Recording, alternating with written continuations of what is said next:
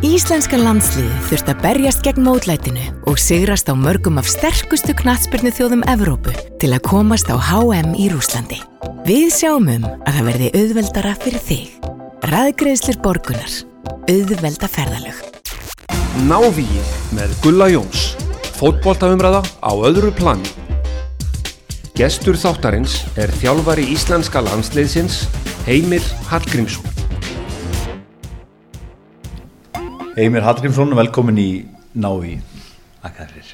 Við erum hérna og spjöllum saman á heimilinu Reykjavík uh, fyrstu vikuna í februar 2018 vil segja að hafa það svona eða fólk dettur hérna þetta vitali haust sko uh, Mér náttúrulega byrja aðeins bara núna í, í verkefnunum í landsliðinu í, í hérna januar þá ferðu til Indonésiu svona hvað fenguðu út úr þessari ferð? Í það sem við viljum alltaf fá út úr þessum janúverkefnum er bara að, að skoða mögulega leikmenn framtíðarinn að það er nú fyrst og fremst okkar hugmyndafræði með þessum janúverkefnum og, og við ákvæmum það fyrir til dæmis þetta verkefni að, að taka ekki svona reyndari leikmenna sem áttu mögulega á að koma eins og markmennin okkar sem er að spila í Skandinavíu e, Kjartan Henry e, Birgir Má Sæfarsson og fleiri fengu, fengu frí þetta, þetta verkefni og, og við skoðum þá frekar leikmenn sem að gæti orðið svona framtíðar leikmenn íslenska alhanslinsins og það er svona já þetta er okkar tími til þess að geta að skoða þá og gefa þeim tækifæra að spila, spila landsleik Er þetta að segja að ákveðna leikmenn hafi mynd á sig og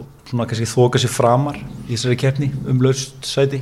Já, já, eins, eins og alltaf að, að hérna sumi leikmenn sumilegmenn hérna stimpla sinn hratt og, og þurfu ekki margar landsleiki til þess að verða tilbúinir í, í, í aðalliðið og, og hérna sagan hefur sínt okkur það síðustu ári er nú að, að, nú að nálgast bara sjö ár sem ég hef verið í þessu landsliði uh, í kringum þetta aðlandslið og sagan segir okkur það að það skila sér yfirleitt 1-2 leikmenn úr þessum janúarverkunum bara í í eh, aðalhópin þannig að sumi leikmenn geta komið inn í, í svona hóp og stimpla sér inn eh, bara hratt, aðrið þurfa e, 5, 6, 7, 10 landsleiki til þess, að verða nógu góðir til að komast í hópin og, og hérna, svona eru við bara misjöfn og, og hérna, ég, við vorum mjög ánaði með strákan í þessari ferð. Þetta, þetta voru kannski ekki bestur leikir í heimi eða, eða sterkust anstæðingar en æfingarna voru eins og alltaf hjá okkur og umgjörinn er alltaf eins þannig að hérna, við vorum líka að skoða leikmenn hvaða karakterir hafa og, og svo framvegs e,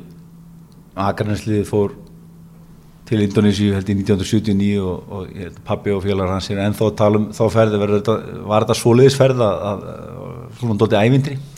Já þetta var og fyrir, Rinslubankan það var, eh, já bara kúltúrin er allt annar það er okkur fannst mjög mikið skipalagsleysi og, og hérna hlutinni voru ekki alveg tilbúinir en þá auðvitað bara erum við með varaplan og sendum menn á undan og æfingar og, og undan í leikina og, og sáum bara til þess að allavega umgjörun okkar væri betri heldur en hún hefði verið ella en, en þetta er bara ólíkur kúltúr. Það er svona, það er enginn sem ræður og allir sem ráða þarna. E, og hérna eins og ég segi það, það, það var það sem var kom okkur mest óvart hversu, hversu svona, já, mikið káttist umhverfið þar. En er ekki ágætis æfing svona bæði fyrir ykkur í teiminu og, og starfsfólkinu og jafnveg leikmönum, nýju leikmönum að lenda einmitt í Já, akkurat, akkurat, við, við svona pyrruðum okkur á þessu fyrst en svo bara sáum við það, þetta, svona var bara kúltúrin aðna og, og við erum bara aðlaga okkur að kúltúrin þeirra. Þetta lagaðist eftir því sem að leið, leiðoferðina og, og hérna, en indislegt fólk og, og bara gaman að, gaman að pröfa nýja hluti eins og þarna og þeir spila svona svolítið svona kátískan fókbólta og það var líka hluti af hérna, tilgangnum að fara að, að spila við öðruvísi leikstíl heldur en við höfum gert. Við, við hérna, spilum auðvitað með þetta aðalegu okkar bara í, við európsk lið og, og hérna, nú vorum við að fara í heimsmyndstarikefni í fyrsta skipti, spila við, við þjóði frá Suður Amriku e, jafnvel Asíu og, og, hérna, og Afríku þannig að við höfum ekki mikið gert að því í gennum tíðina. Næstu verkefni erum við Peru og og Mexiko, vantalega pælingin að einmitt fá aðeins öðruvísi kultúr og, og, og öðruvísi fókbalta er það verkefni sem við getum spilað á öllum hópnum? Já, þá, þá er hugmyndin okkar að fara með stærri hóp til bandarækjana. Fyrir EM þá völdu við 23 leikminn strax, ekki 30-35 leikminn eins og flestir gera og skera svo hægt og rólega niður fram að loka dagsetningu. Vi, við völdum 23 leikminn og okkur fannst það að vera rétt ákvörðun og ætlum að endur taka það, þannig að í mæ þegar við komum saman að þá, þá verðum við bara með 23 leikmenn og einhverja sem eru þá tilbúnir. Og á móti allir við þá að fara með stærri hóp til bandaríkjana uh, þar sem við förum yfir allt það sem að mun gerast uh, í undirbúningi og í Rúslandi undirbúningi fyrir Rúsland og, og í Rúslandi þannig að, að hérna, viljum að nota þessa massferð til bandaríkjana uh, eins vel og mögulegt er. Þannig að við, við séum búin að vinna svolítið fram fyrir okkur. Anstæðingarnir sterkir, leikveilirnir stórir það verður mikil stemming þegar bæði Peru og Mexiko hefa mikið af stuðnismönnum í, í bandaríkanum og þetta verða fullir vellir risastórir eh, mikið mikil aðtikli á okkur og, og auðvitað anstæðingana og langt á milli leikvalla e, tímamismunnur og svo framvegs þannig að þetta er mjög góður undirbúningu fyrir, fyrir Úsland bæði fyrir leikmennina e, og fyrir sérstaklega fyrir okkur starfsfólki sem að, að við ætlum að nota þetta sem generalpröfu fyrir, fyrir Úsland Hvernig eru þið í teimin að vinna núna varandi svona valið hópnum og kannski þeim leikunum sem eru svona mitt á milli? Eh, eru þið ennþá fara á leiki eða, eða dögur ykkur að, að horfa bara á það í, á vítjum?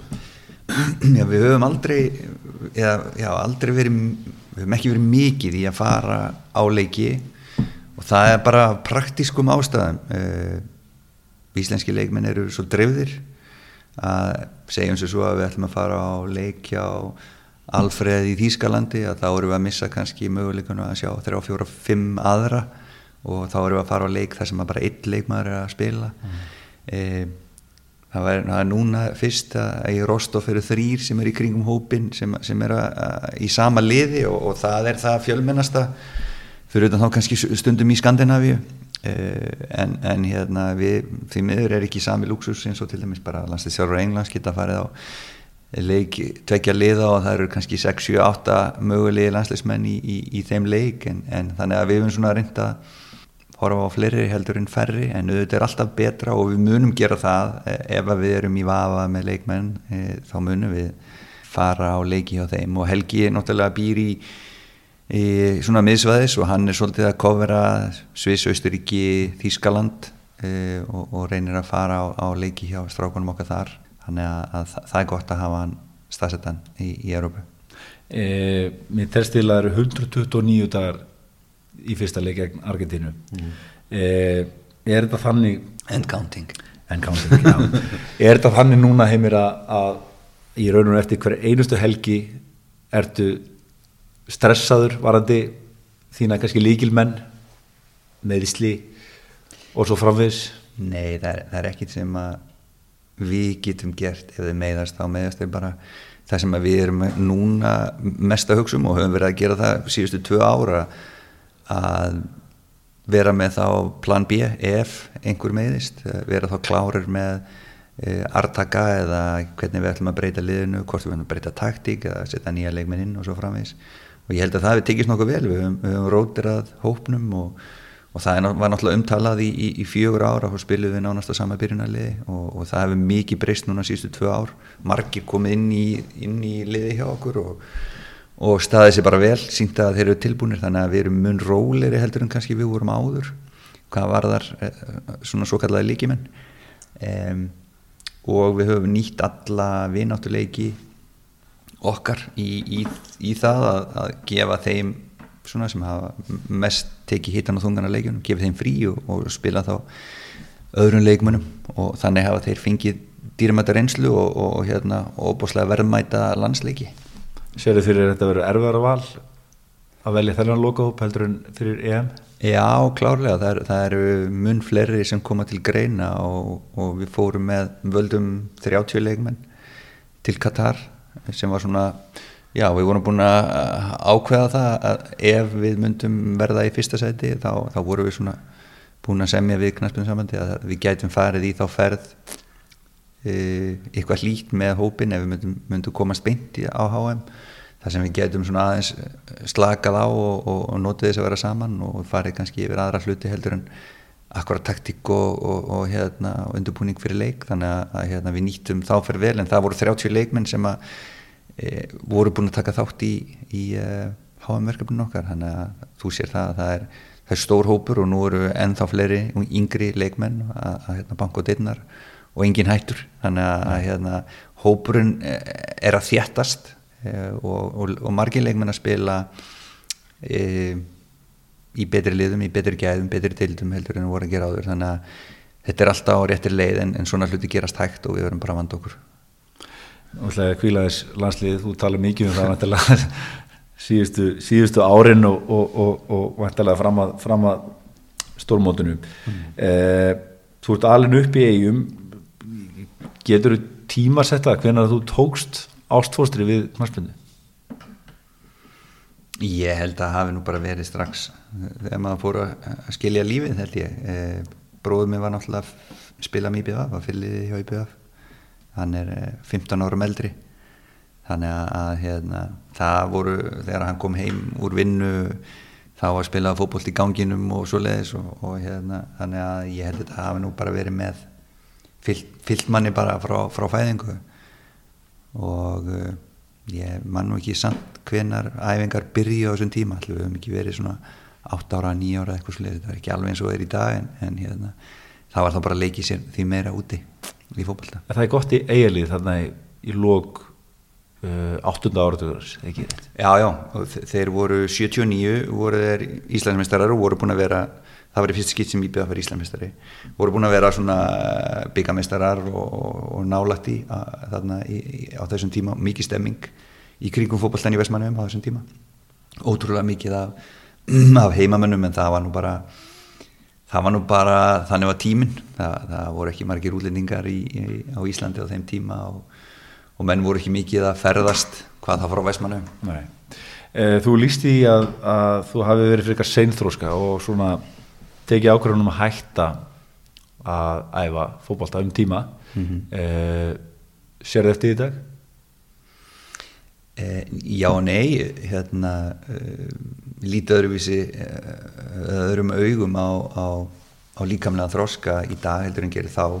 Þetta var nú bara þá að, að hérna eh, ég var bara lítill og, og, og var á yngsta ári í öðrum flokki og eh, fjölmennir árgangar hérna í kringum mig og virkilega góðir hérna, strákar í fótbolta. Þannig að ég sá það bara strax að ég átti ekki nokkurt möguleika á að komast nálægt í að, að spila þannig að ég, ég fór bara að vinna og, og hérna fór svo að þjálfa með því og það er, ég ánægð með það, ég byrjaði það að þjálfa strax þegar ég var 17 ára. Og uh, þannig að það, þetta hefði bæði ákvað og neika áhrif og, og hérna á þeim tíma var pólsku þjálfari eh, að þjálfa týr sem var Týr og Þór saminuðist í BVF og, og ég var í, í tí og, og hérna þar var ótrúlega góður pólsku þjálfari að þjálfa yngri flokkana og þeir voru nú svo framsýnir að þeir, þeir vildu fá yngri e, þjálfara til þess að vera í kringumann og læra á honum og, og e, sem við ættum að gera miklu meira af e, í dag. Og ég fekk þarna tvö ár á meðan ég var ekki að ekki æfa til þess að vera í kringum hann, þjálfa með honum og, og, og byrjaði svo að þjálfa yngstu yfgönduna eh, í framöldina því og gerði það í held ég 17 ár en það er svona fekk ég góða fyrstu kennslu í þjálfun. Og það er alltaf gott að hafa svona Hver, hverjum þakkar þessu svona mentor í kringu sig? Hverjum þakkar þessa stóru ákvörðun að, að, að þérna, þér var hend í þá djúbulög að, að vera e, og læra þessum pólska þjálfura? Það voru, það voru menn hann að laufásbræðir í Vestmannum og Óli og, og, og, og Jói og Steini í laufási sem, sem að voru svolítið að sáu um þennan pólska mann og hérna, vildu reyna að nýta hann sem best. Og þeir fóru svona leiti kringu sig og hérna, ég held ég að vera aðstofar aðstofþjálfari til að byrja með sem var bara frábært. Og, og hérna, eh, já, þetta var bara gefuskref fyrir mig að mér finnst. Og, og hérna, svona eitthvað sem við, við eigum að, svolítið að læra af hér heima. Það er óbúslega mikið að góðum íslenskum þjálfurum, reyndum og það er eiga svona óreindu þjálfurinn að fá sín fyrstu skref að vera í kringum, kringum þá. Og ég held að við séum að opnast svolítið eh, hérna þjálfararnir hérna áður fyrir voru við svolítið feimnir þorðum ekki að sína hvaða hva, hva spil við höfum að hendi og svo framvegis. En núna er, er þetta þetta miklu opnara heldur en var áður. Já. Nei, þetta farið. Eh, Akkurat, ég hérna eh, er þetta að segja að þetta hefur ákveðum vendifútur heimir að svona að þú já, varst þjálfari svo og ert Í- þjálfari já, að aðalstarfi? Já, já, nei e, það var svo sem ekkert á þeim tíma ég, ég hugsaði mér ekkert að ég ætla að vera þjálfari í framtíðinni. En ég fekk strax áhuga á þjálfun og eins og ég segi að þetta var svona öðruvísi nálgun hjá þessum pólverja Gregor Bilatovic hann hugsaði meira um einstaklingin kannski ekki endilega um hvernig úrslitin væri í leikjunum heldur, heldur hérna um, já, hann, hann hugsaði mjög mikið um einstaklingin hann, ef, ef hún fannst einhver skara fram úr einhverju sviðum þá, þá hikaði hann ekki við að setja hann á aukafingar og, og, hérna, og þroska hann og hann hikaði ekki við að setja yngri stráka eða, eða yngri stelpur uh, upp um flokk og setja meiri kröfur á þá sem hún fannst skara fram úr og það var svolítið svona nýtt e, sérstaklega í Vestmannum þar sem að við vorum svona þekktir fyrir að vera stóri sterkir og, og láta finna fyrir okkur. Og allt í ennum var komið smá stuppur inn í liðið og, og liðið kannski tapaði en, en hérna klárlega þroskaði þennan einstakling. Já. og, og hérna ég man nú bara sérstaklega eftir þessum flokki e, Þóraðin Bjargvættur úr Keflavík var þá hann hafi ekki verið 6 ára eða eitthvað svoleiðis og 6-7 ára og, hann var látið að spila með aðliðin í sjötta flokki og mennu þetta tóku eitt skrifa menn hann tók fjögur en, en varð svo hérna klárlega einna, einna betri leikmennum hérna á Íslandi í, í framtíðinu þannig að, hérna hafa margt svona sem að og, og urðu til og ótrúlega margir góðir knaspunumenn í, í Vestmannu e, í kringum þennan pólska þjálfara og, og hérna e, allavega ég, ég kann honum eða, eða þakka honum fyrir, fyrir uppgang á, á, á hérna eigum á þeim tíma. Eh, þú tekur svo fram skóna nýju vantalega orðið hann aðeins stærði og komin, komin, í, komin í þína þína réttu stærði er, er, er það stóra ástæðan? Að svona lí- líkamleg þroski? Já og nei, ég var náttúrulega þá komin að elsta ári í, í öðrum flokki og þetta voru náttúrulega auðvitað bestu vinni minni sem voru þarna þannig að það svona lág eiginlega beinast við. Og það, það vildi þannig til að þá var þessi, þessi pólski þjálfari að þjálfa annan flokk og, og eftir, eftir tveið-þrjá ræfingar þá náttúrulega tók hann mig bara til hliðar og, og, og bara æfti á mig og, og hérna, það var trilltur yfir því að ég var ekki búin að æfi í tvö ár var þá svona góður samt sko. Þannig að, að hérna, þetta var eiginlega svona ég hefði fittað inn í hans uh, hugmyndafræði að, að hérna þannig að hann lét mig spila bara strax á, á því ári með, með mistrafloknum og þá vantalega er, er, er það svipa leitið að þú ferður svo sögur í, í tallagnanám já, svo held ég tí- já, ári setna, tveimur ári setna þá- þá- 1991 eitthvað leis hvað hérna, og þú líst í að þú hafi svo sem ekki hafi rætlað í tölvunafræði ekki rétt og, og, og, og endaðir í, í tallagnanum sex ára nám, þú spilar með, hvernig var þetta á þessum tíma fyrir, fyrir, fyrir strákar sem er í eigum og, og, og eru í námi í Reykjavík það var nú alltaf, voru alltaf einhverjir við, við hérna mm, sem voru í, í einhverju háskólanámi í Reykjavík. Og ég var svo heppinn að, að hérna á þeim tíma var Kjartan Másson að þjálfa íká í, í Kópói og, og það lág beinast við að senda menn í undirbúnistíðanbili á Kjartan í Másunni sem var nú kannski ekki, menn voru ekki spenntir að, að fara í það en, en hérna enga síður þá, þá var ég örgla einn, tvö eða þrjú ár eh, fekk að æfa með, með þeim og, og hérna kom í, í ágætasta standi til, til Vesmanni alltaf en þetta er auðvitað, var alltaf erfitt og við, við svona í, í framhaldinu samkurluðust við með káa, liftri og, og þeim liðum sem að svona utan að landi liðum sem að, sem að koma þá saman þrísari viku og, og vorum í fótbolta og liftingum og, og svo framvegis eins og var að þeim tíma þannig að þetta var svona Voru þetta hressandi undirbúrstímabil? Já, þau voru ólík og, og hérna ég veit ekki hvað menn myndu segja um, um þau í dag eins, eins og er þetta hefur margt, margt tekið framförum en, en hérna, þetta voru skemmtilegi tímar og, og hérna, margt að rifi upp á, á frá þessum tíma Fannstu strax að þú hafa valið rétt nám? Nei, nei, ég hérna, mér liði ágætlega í þessu námi og, og, hérna átti á flotta vinni og, úr náminu en ég hafði svo sem aldrei brennandi áhuga á tannlækningum og hef það ekki ennþá í dag svona passjónum mitt var meira í kringum fótboltan en, en eins og mamma sagði að þú lífur ekkert á því að vera í kringum hennar fótbolta stunda, stunda, stunda hérna, vinnuna þína, sá hann alltaf uh, hvernig hefur starfið eða, eða námið og starfið nýst í þjálfunina? E, á, á margan hátt, þetta ertu e, lærður á, á já, við lærum með læknum þannig að við vitum um, um líkamann, við vitum um e, líf og, og, og læknisfræði og, og meðisli og allt svoleiðis e, sem að hjálpar.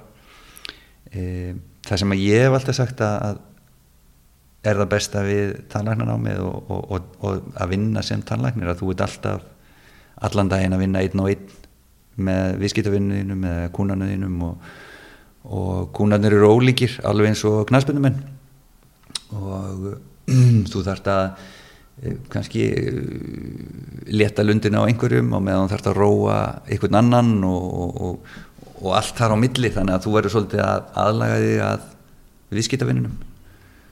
Og þannig er þetta líka þegar þú ert í fótboll að þú getur ekki sagt það sama við alla.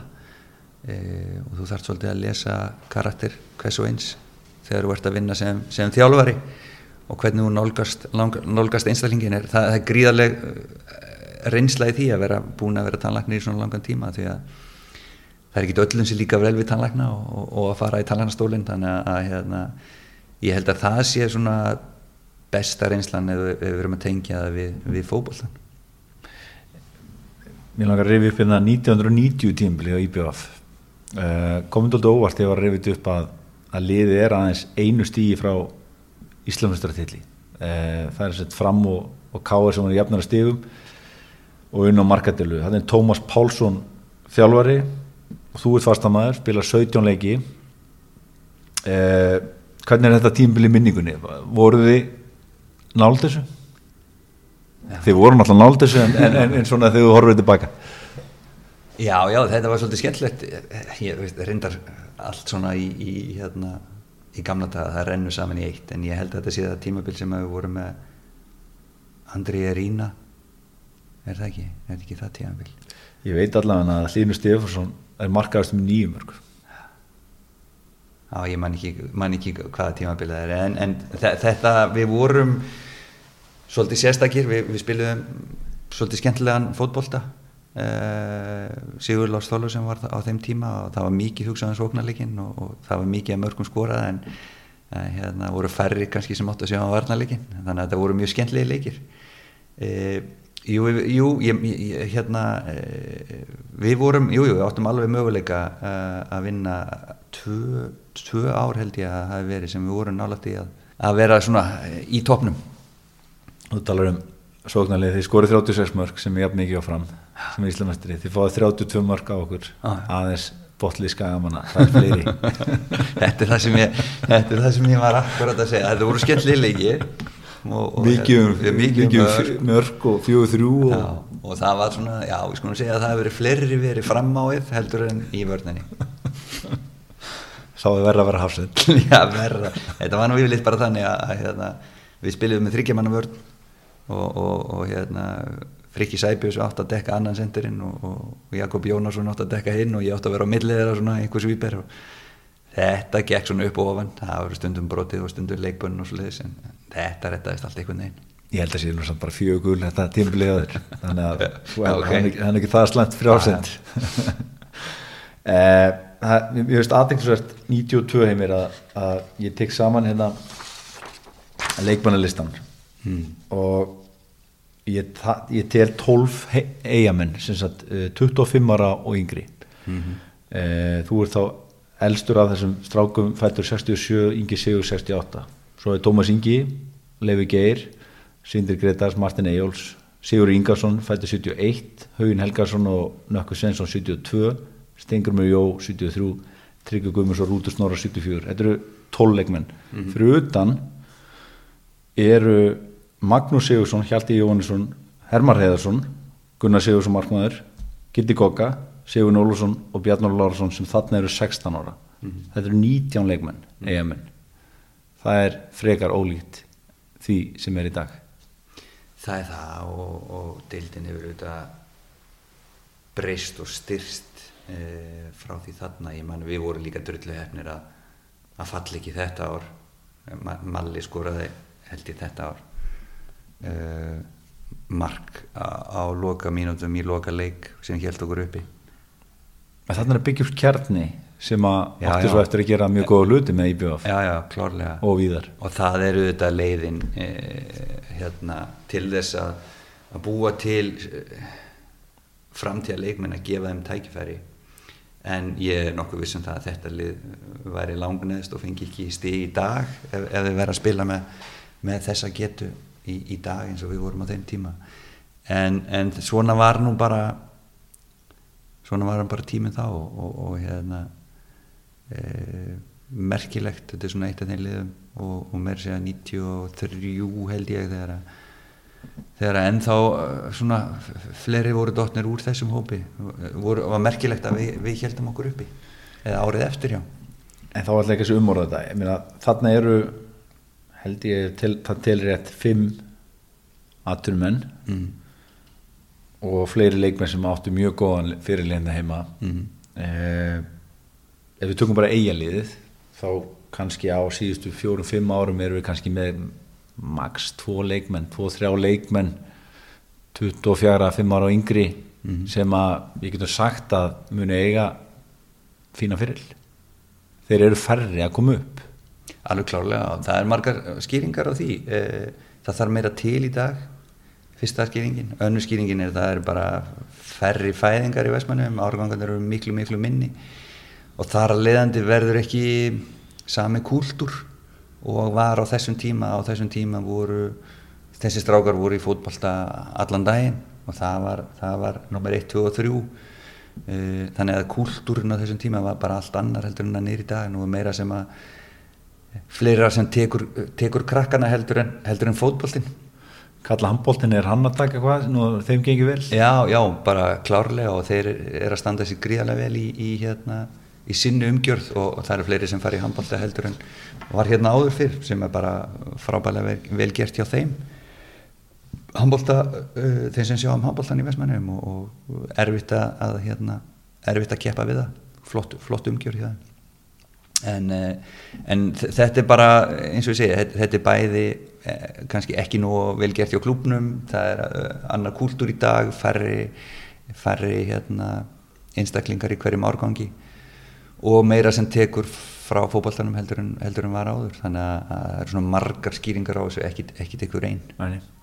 en ég veit að þú, þú, ert örgulega að fara í að einhverju sko, en, hérna, ég, ég veit ekki hva, hva, hvert að þú ætlar að leiða Nei, nákvæmlega, ég, ég, ég eh, það hefur svo sem verið rætt um aðgrænsi að, að, að hvar eru þessi stóru góðu leikmenn, ég held reyndar að kannski skæðin hafi framöður EM-en að hafa kannski fleiri, fleiri unga leikmenn sem, að, sem að hérna fá kannski sénsinn mm ég held að einskýringin á aðgrænsi sé, sé svo að, að það átti klálega ekki við þarna í eigum en, en, en það var toppliði sem, sem að menn ólust upp inn í og, og, og fengur kannski að, að, að þefa ákveðnum árangri og ákveðnum e, standard og, og hérna en ég er sammálaður þjóðfélagsbreytingin er orðin óbásleg og, og, og það er miklu meira sem að, sem að glepur og, og sem að og ég finna bara á stráknum mínum að það er miklu meira sem að, sem að hérna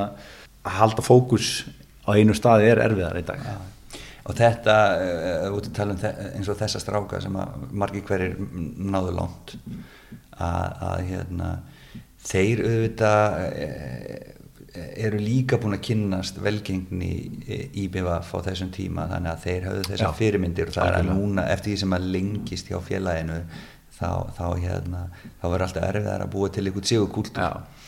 og, og hérna, en þessi stráka voru með það bara ljóslifandi hetjurnar sem að örðu Íslandsmistara og svo framvegis. Og það var erfitt til dæmis fyrir okkur sem að tókum við á sínum tíma þegar við gengum upp í mistarflokk að vera jafnvel að æfa með þessum hetjum sem voru búin að vera Íslandsmistarar og byggamestarar og, og svo framvegis. Og svo áttu ykkur pegaguttar að taka yfir. Nákvæmlega. Eh, en, þú hefur sérstaklega haft orði núna undanfærin 2-3 ára að, að þú vilt að fleiri yngri leikmenn fái tækifærin. Eh, á þess að við ætlum að fara í einhverja mega umræð um það en, en viltu sjá einhverja reglu breytingu hjá sambandinu eða hjá félagunum um að gefa þeim eh, auðveldra um vika að komast að? Nei, ég held að það sé nú ekki að stjórna og ég held að þetta er auðvitað umræða í öllum löndum í heiminum. Mm. að yngri leikmenn eiga erfiðar og erfiðar með að fá tækifæri og ég verða að hérna, e, ég verða að nefna það auðvitað eru liðin hér á Íslandi mjög ólík.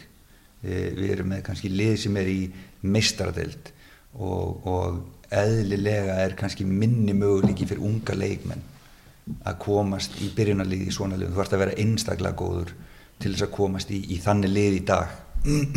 En svo eru önnu lið eins og ég hef oft tekið aðgranir sem, sem dæmi sem er, það er bara ákveðin kúltúr að reyna að búa til góða leikmenn.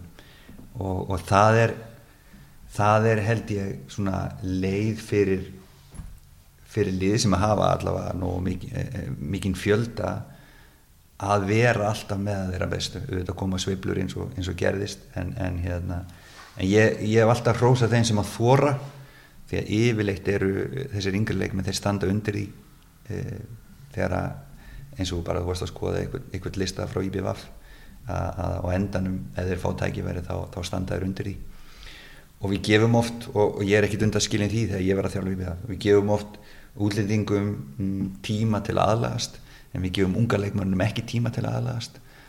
Og það er svolítið sérstakt að því að ungi leikmörnum verður auðvitað í félaginu í mörg ár og, og, og svona það virðist vera og ég bara að segja okkar e, já, svona vani að, að hérna, geima unga leikmennarnas til hliðar og, og hérna, gefa hinnum tækifæri að því að við vitum ungi leikmennar er ekki að fara nýtt mm -hmm.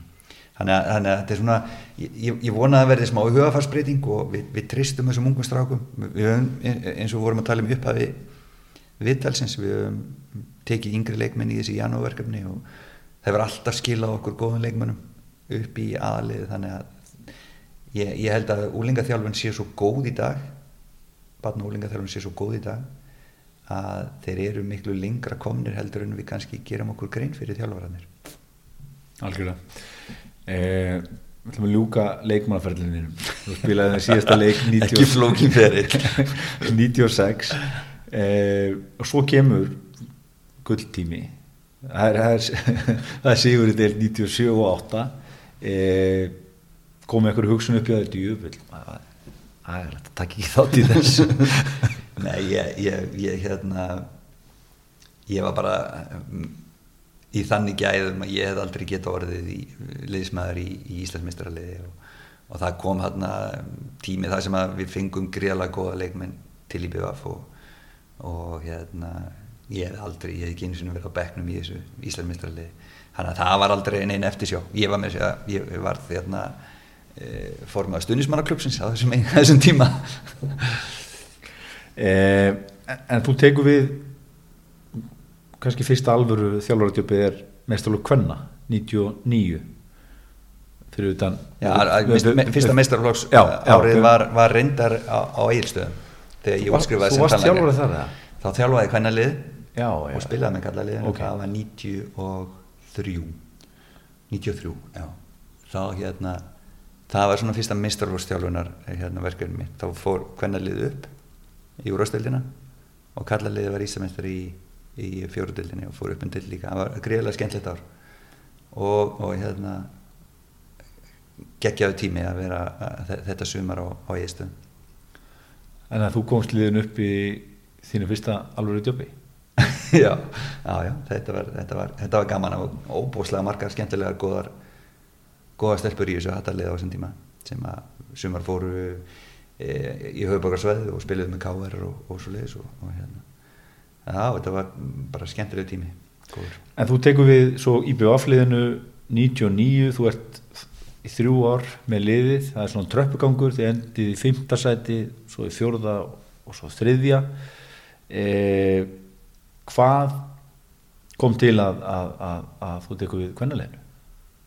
Það er eins og ég segi, ég, ég þjálfaði eh, hérna stelpur í, í eh, á Eilstöðu og og uh, þá voru við Íris saman og, og hérna hún var náttúrulega leikmaður. og góði, góði fókbalta uh, og var svona að brasa á IBF á þessum tíma. Og það voru búin að vera þetta lið sem var alltaf að falla og koma upp og, og já, voru svona ungar efnilega stelpur þannig að mér finnst þetta líka bara svona ágetis e, næsta skref á, á þjálfarferðlinum að taka við meistarflokk og, og þetta er svona meiri umfjöllun og, og annað og, og aftur bara reynsla. Þannig að við vorum hann í þrjú ár bættum okkur um eitt sæti á hverju ári og, hérna svo tók ég við í aftur sittna og heldum áfram að bæta okkur um, um eitt sæti á hverju ári. Þannig að neini, þetta var bara eh, eins og allt, allt í lífinu þetta fór bara reynslu, reynslu bankan Getur útskýrt hvað er ólíkt að þjálfa stelpur og stráka? Já, ég hef nú oft, oft hérna, sagt að kannski aðalmunurinn er, er sá að stelpur hlusta meira heldur en strákar Og spyrja meira kannski? og, og spyrja meira, já, þetta verður svolítið persónulegra allt það sem þú segir og þú verður svolítið að vandaði hvað þú segir ég, ég, tek oft dæmisögu með þú kemur inn í hálfleik og, og hérna, þjálfa stráka eða stelpur og kemur inn í hálfleik og segir sko, við erum búin að vera alveg glötið fyrir hálfleik bara teknilega eða eitthvað svolítið og stelpan hugsaður, oh, hann er að tala um mig. Strákurinn hugsaður, þetta er alveg rétt hjá honum. Þeir verða að bæta sig. Þetta er munurinn svolítið á strákum og stelpum að, að hérna, það, það, það er svona að þú eru svolítið að vandaði hvað þú segir af því að það, það hlusta og það taka miklu meira til sín. Þetta er svona sálfræði þátturinn auðvitað er, er hérna er þetta sko, hægari leikur og minnum nái og skotinlausari og svo framvegs þannig að, þannig að hérna, en, en ég held að svona sálfræði þátturinn sé fyrir þjálfvaran það sem að, það sem að er mestu munurinn. Þú ræðið sem, sem, sem aðstofþjálfur hjá, hjá Mestólu Karla 2002, það er árið eftir að, að liðina er, er hárspreitt frá því að vinna titilinn, tapar fyrir eða tapar titilinn til skagamanna. Þú tekur svo við alferður liðinu þegar þrjárum fyrir eftir og, og liðið er aðeins þremur stífum frá falli. Og, og, og þá má taka fram að þið náðu þessu, þið unnu skagan eh, í 17. 17. fyrst. Hva, hvaða lærdom dreifur af, af, af þessari reynslu?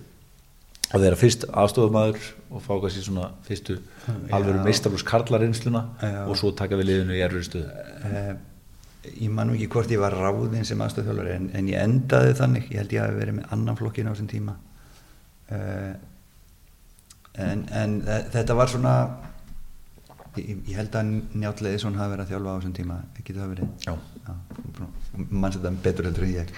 Og það, það, sagt, hann, hann, hann hættir þarna rétt á hana tímanbilið búið og það var í rauninni ekkit í stöðunni annað heldur en bara að klára tímanbilið og svona að, að rann svona skilda til, til verkefni sinns að gera þetta og þetta, þetta reyndi á ungan, ungan þjálfara að vera með svona já, heimaliðið sitt á bakinu og, og ekki mikla reynslu þannig að, að hérna, þetta reddaðist og, og bara gott mál en, en ég hafði engan áhuga á að vera áfram. Nei. Það var einmitt næsta, næsta mál, þú afþakar Já, það, ég, ég las það, ég hef gott að hafa fréttir á tímar.ri sem var svona lokal sko. Nei, nei það, það, það er bara þannig ég, ég var mjög meðvitaður um og, og vil meina það að ég er svolítið, svolítið meðvitaður um mína kosti og mína galla og ég var bara enga veginn tilbúin til þess að stjórna mistaróslið á þessum tíma.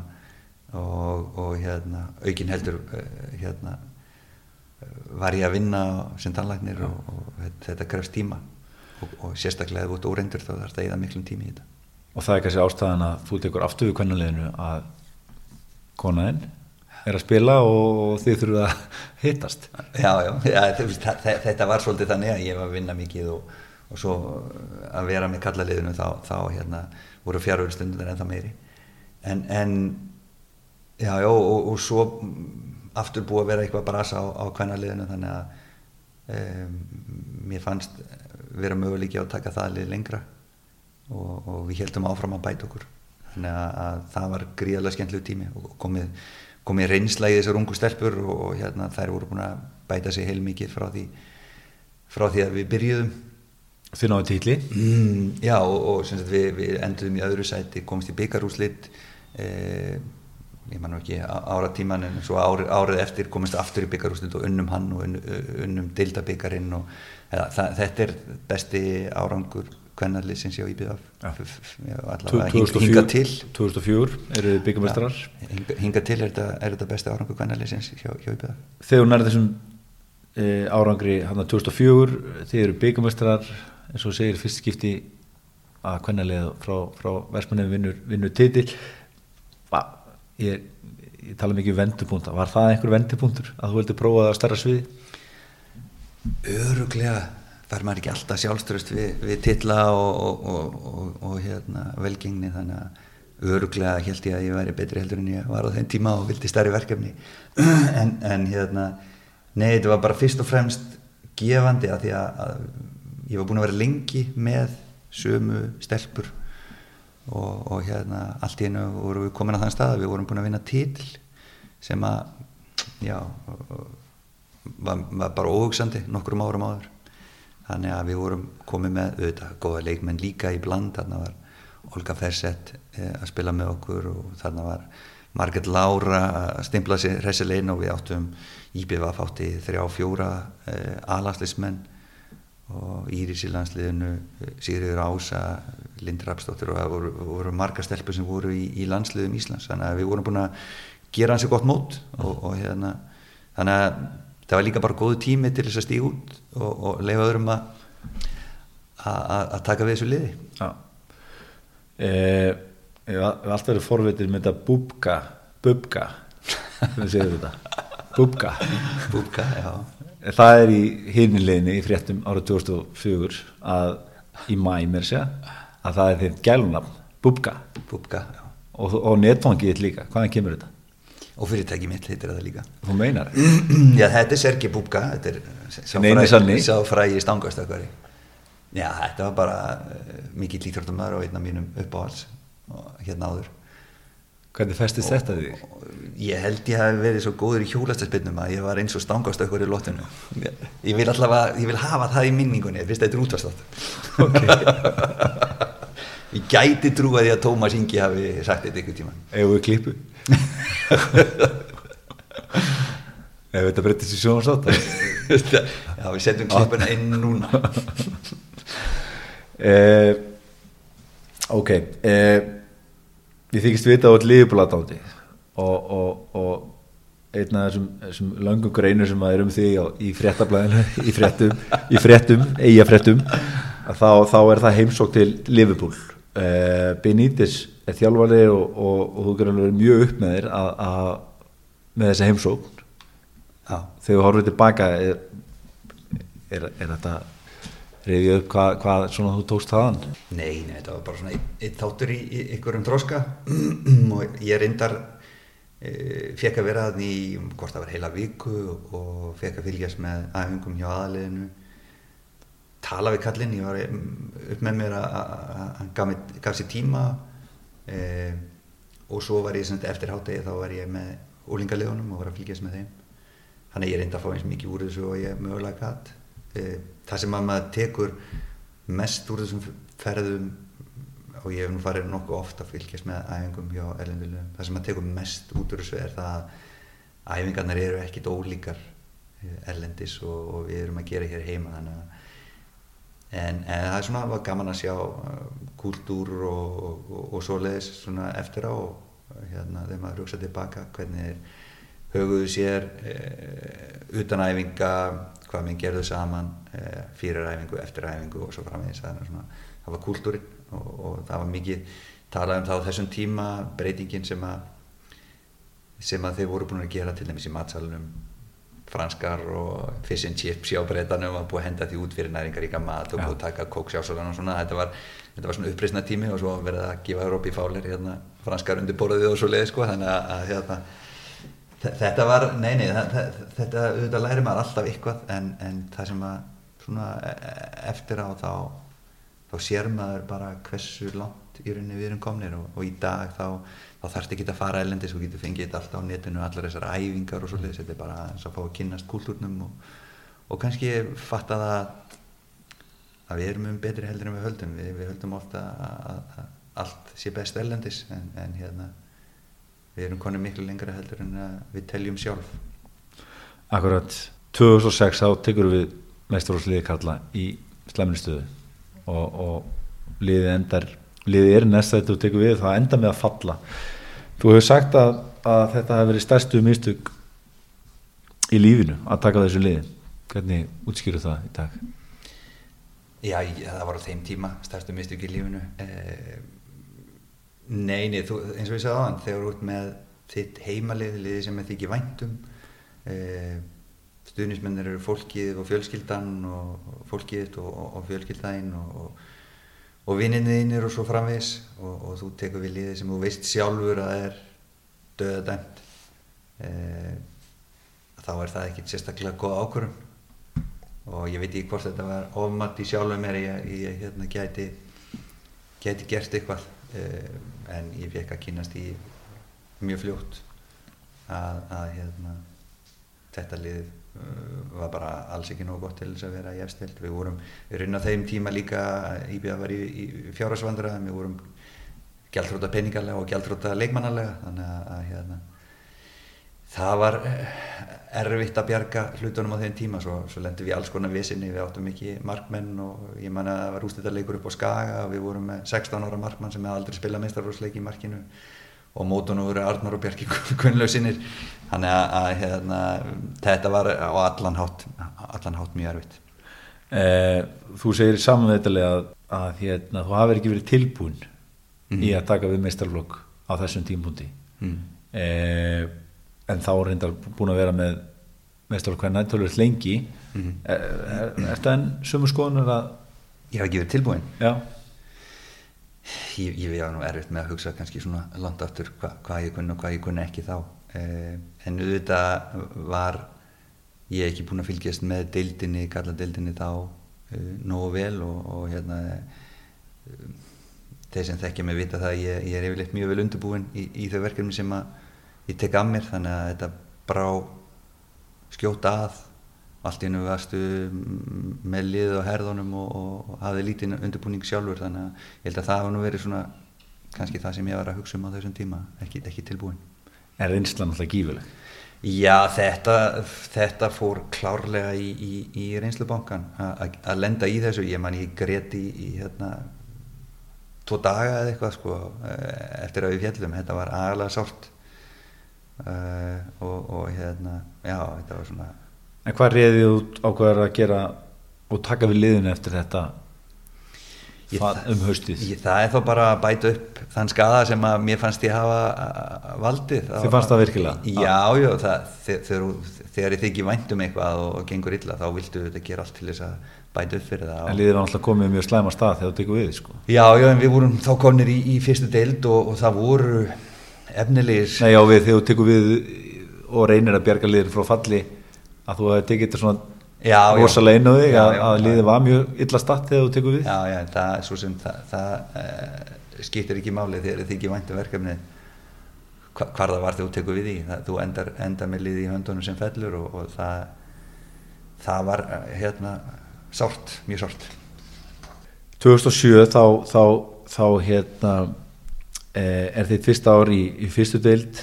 Eh, liðið kemst ekki upp vantæði tvö stug upp á uh, þú hafið sagt nú enn og aftur höfna í viðtöluðið að, að þegar liði fjalla að það hefur neðan, neðan virðingu íbjöf að, að spila í fyrstöld uh, eh, vannmótuðu deildina?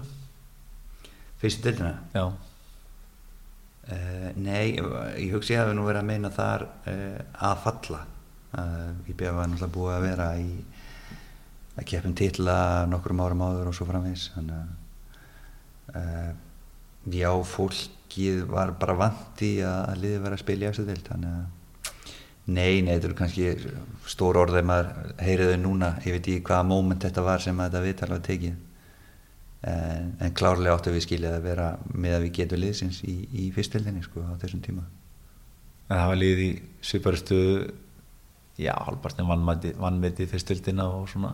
Talið sem verið of, of, of góð fyrir þau Ég eh, nefndi bara að liðið að fellur fyrst. Já, ég, ég held nú samt ekki að því að, að, því að liðið breytist mjög mikið. Það var, það var hérna, voru margir yngri leikmi sem að fengu tækifæri þegar við fórum í fyrstdeildina og uh, kannski það sárast að við að fara ekki upp þá var að þetta var þegar að vera fjölga í deildinni og, og það fóru sko, þrjúlið upp og við vorum nummið fjúr. Uh, en svona eftir á higgja þá var þetta líklega það besta sem að komið fyrir þann leikmannhóp sem var á þeim tíma að, að hérna, þeir fingu eitt ári viðbútt til þess að þróskast sem leikmenn og, og þurftu ekki að fara í, í, efstu deild og þá kaupa einhverja leikmenn til þess að styrkja liði við heldum saman leikmannahópi og unnum svo fyrstdeildina árið eftir. Og hérna og það lið og þeir strákar sem voru þá margi mjög ungir þeir spiluðu með liðinu næstu ár þar á eftir. E, hvena fórst að nota sideline eða, eða, eða, eða fórst að leikreina nota myndbönd? Ég gerði það nú bara strax þegar ég tóku við, við, við liðinu og, og, og hef alltaf verið svolítið íkt, íktur uh, á þessu sviði. Ég, ég manna, ég var með vídeo fyrir stelpunar þegar ég var að þjóla þær og þá klifti maður þetta bara svona til og frá og, og einhvers konar Tveimur vaffáðist Já, já, jafnvel eitthvað svoleiðis til að byrja með.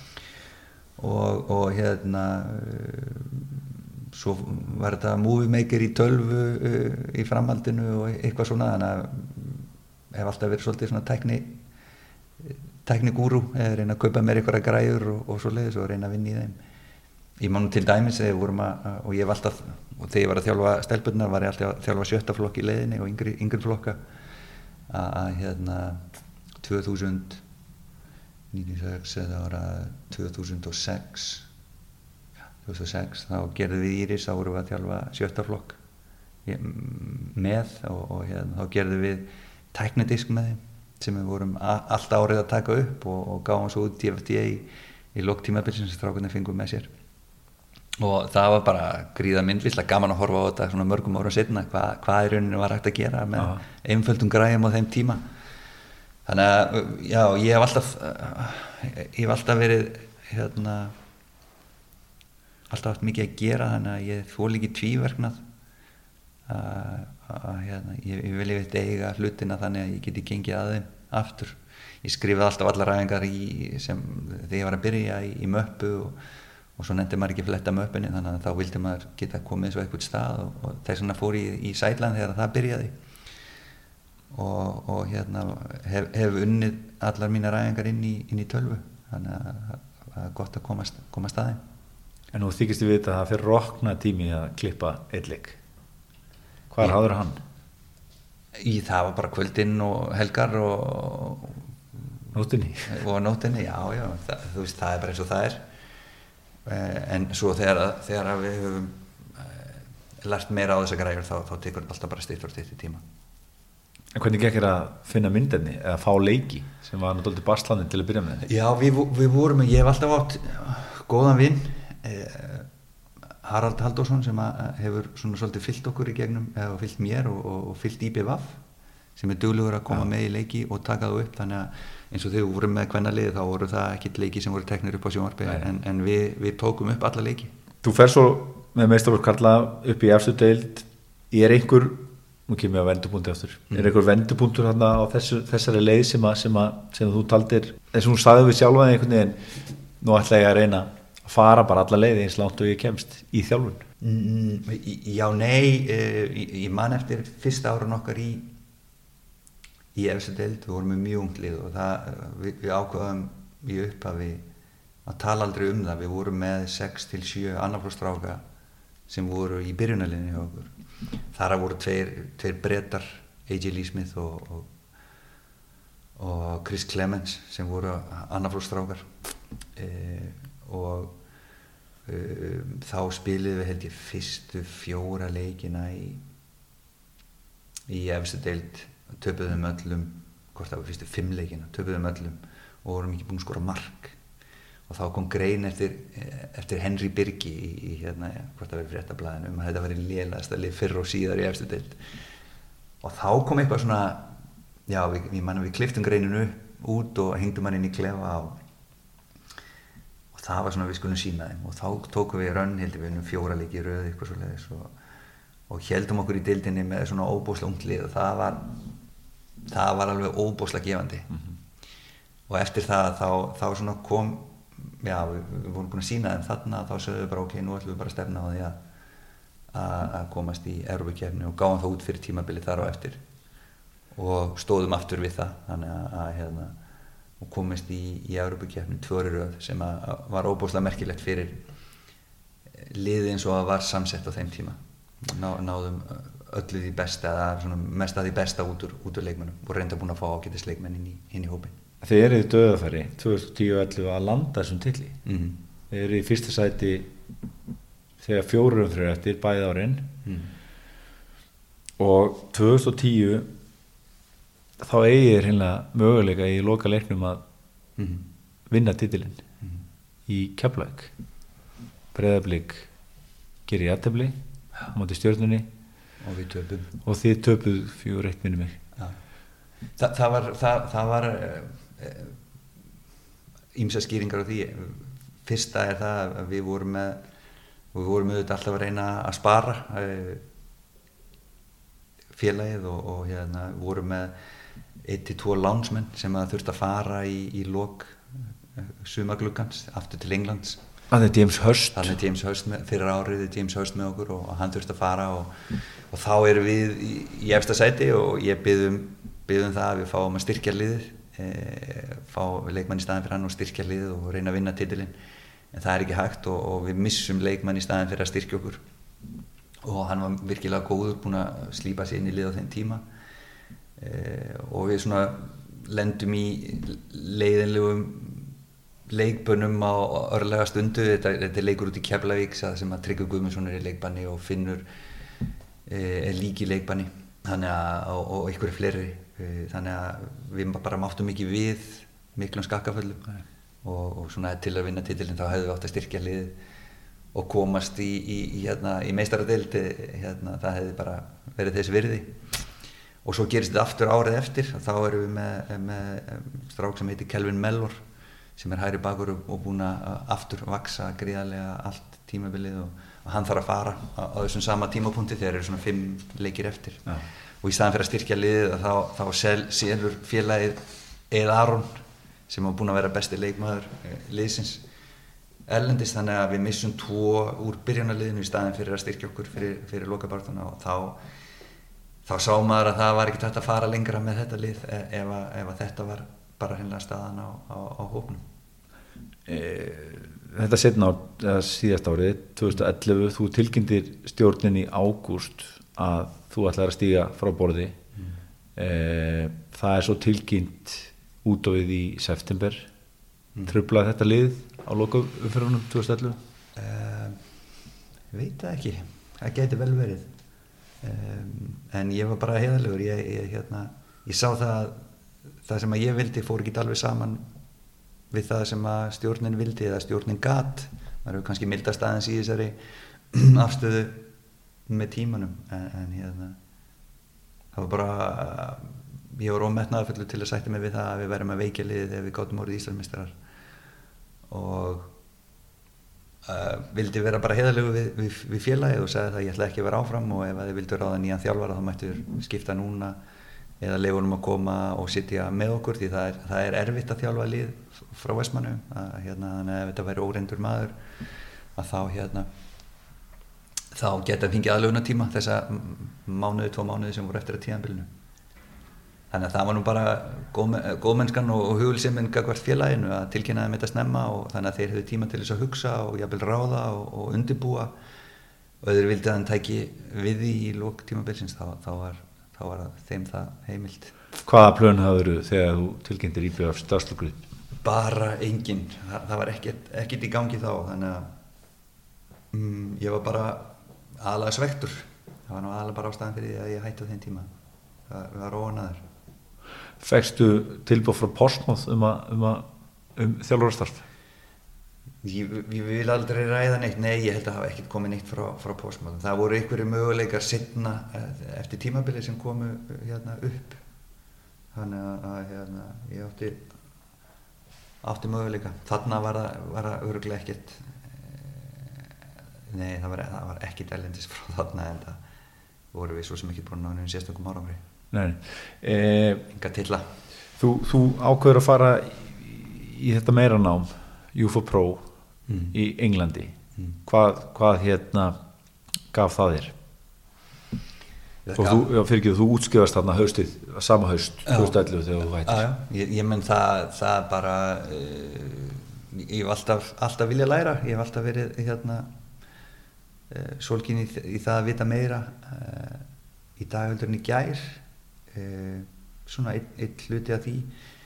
Um, það hefur líka bara verið spennandi að sjá hvernig aðri gera hlutina. Þarna var maður í hópi með algjörum úrvalsmönnum í heilt ár og, og hérna e, ný sín og þarna var meira verið að fara í, í hluti hvað var þar stjórnun heldur en þjálfun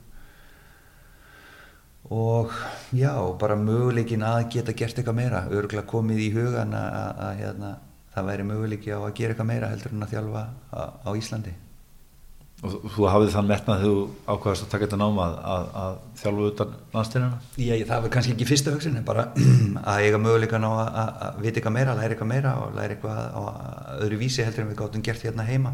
Ég held að það hafi nú verið bara fyrsta ástæðan. Þú veit alveg myndar ákveð tengslanett í svona, svona námi, ekki satt? Jú, bara fyrir utan þá sem voru uh, í náminu. Uh, þá, þá er ég búin að halda góðum tengslum við kennarana sem voru þarna, sem margir mjög flottir kennara sem hafa svo komið hinga til Íslands að kenna, Dick Bate og, og fleiri. Þannig að auðvitað gerist það sjálfkrafa líka. Þegar þú ert ráðin svo inn hjá KSI uh, sama haust, varstu vongóður um að vera ráðin að, aðalandsþjórur hérna á þessum tíma? Ég einhverstað las ég það? Uh, nei, nei, ég tengt þetta við, við hérna, svona ákveðna hugsun hjá mér eh, nei það var nú búið að gefa það út að það er því ráðin ellendur landstjálfari en, en Geir ringir í mig og, og hérna og býður mér að koma fund uh, og ég svona með mína barslegu hugsun hugsa ok, ég er búin að þjálfa hérna low budget lið eh, í Vestmanni og ná góðum árangri og, og þetta er ekkit ósvipað íslenska landsliðinu að hérna, þetta er lið sem er kannski svona underdog eins og IBVF og, og hérna, kannski bara passar það helviti vel að ráða mig sko. þannig að maður fór kannski með, með meiri væntingar heldur en, en innistæði var fyrir á, á fundin en, en auðvitað var þetta svo bara að þeir vildu ráða Íslanding eh, með þessum erlenda þjálfara og það var þeim tíma ekki búið að ráða hann þannig að, að hérna, mér fannst það mjög spennandi og mér fannst þetta að vera svona kannski næsta skrif fyrir mig að, að kynast e, atvinnumönnum e, nýju umhverfi og, og hérna, þetta gaf mér líka möguleika á að vera áfram að vinna í Vestmannu á talangstofunni og fara í þessi verkefni. Þannig að, þannig að mjög spennandi fyrir mig á, á þeim tímapunkti sem ég var, var á á þeim tíma Hvað tók ég langa tíma að sjá að, að þú varst ekki beint klári í aðalþjóðlarstarfið? Það tók nú ekki langa tíma e, e, eftir að ég, ég hérna, byrjaði að vinna með Lars að, að munurinn á að vera landslýstjálfari og félagstjálfari er algjörlega svart og hvít og þú ert að bæða vinn í allt örum hlutum og það er allt önnur umgjörð og hugsun sem þarf að vera þegar út landslýstjálfari og ég var enga veginn, enga veginn klári það hefði ég orðið landslýstjálfari og það var þang, eh, fram að þeim tíma ekki framfærast greið fyrir neitt þjálfara og íslenskan þjálfara að taka við landsliðinu. Það voru þannig okkar bestu þjálfarar búin að fara og, og taka við aðlandsliðinu, Óli, Alli, Eyjólfur og það var einhvern veginn, það var ekki framfara skref sem er mjög skrítið. Eh, ég er svona hluta til skiliða eftir að hafa unni með, með Lassi í þessum tíma sem að hafi 30 ára reynslu á að þjálfa landslið. Og, og það er bara öðru vísi já það er bara öðru vísi umgjör það er öðru vísi vinnuumkörfi það, það er öðru vísi áherslur uh, sem eru. Og, og ég hef oft sagt að hefði ef ég tekið við næstunum þeim tíma þá hefði ég bara haldið áfram að þjálfa eins og ég þjálfaði í BVF og það hefði alveg verið dæmt til þess að falla. Eh, og þið náðu en náðuð gríðilega vel saman þú og Svín. Eh, haldið en þú góða samandi? Já, já, ég, hérna, þetta er svona eh, minn mentor í, í lífinu eh, Lars og erum góði vinnir erum í, í sambandi reglulega. Eh, bara mikil vinnu minn og hann er, hann er hjartallýr með stórt hjarta. Þannig að það var gaman að fá að vinna með honum í þennan tíma. Og eins og segi, við vorum mjög ólíkir eh, ég hugsa meira með hjartanu og hann hugsa meira með höfðunu og ég, hérna, ég held að samblandan hafi verið góð og, og hann svona kendi mér að nota allan heilan, ekki bara hluta á honum.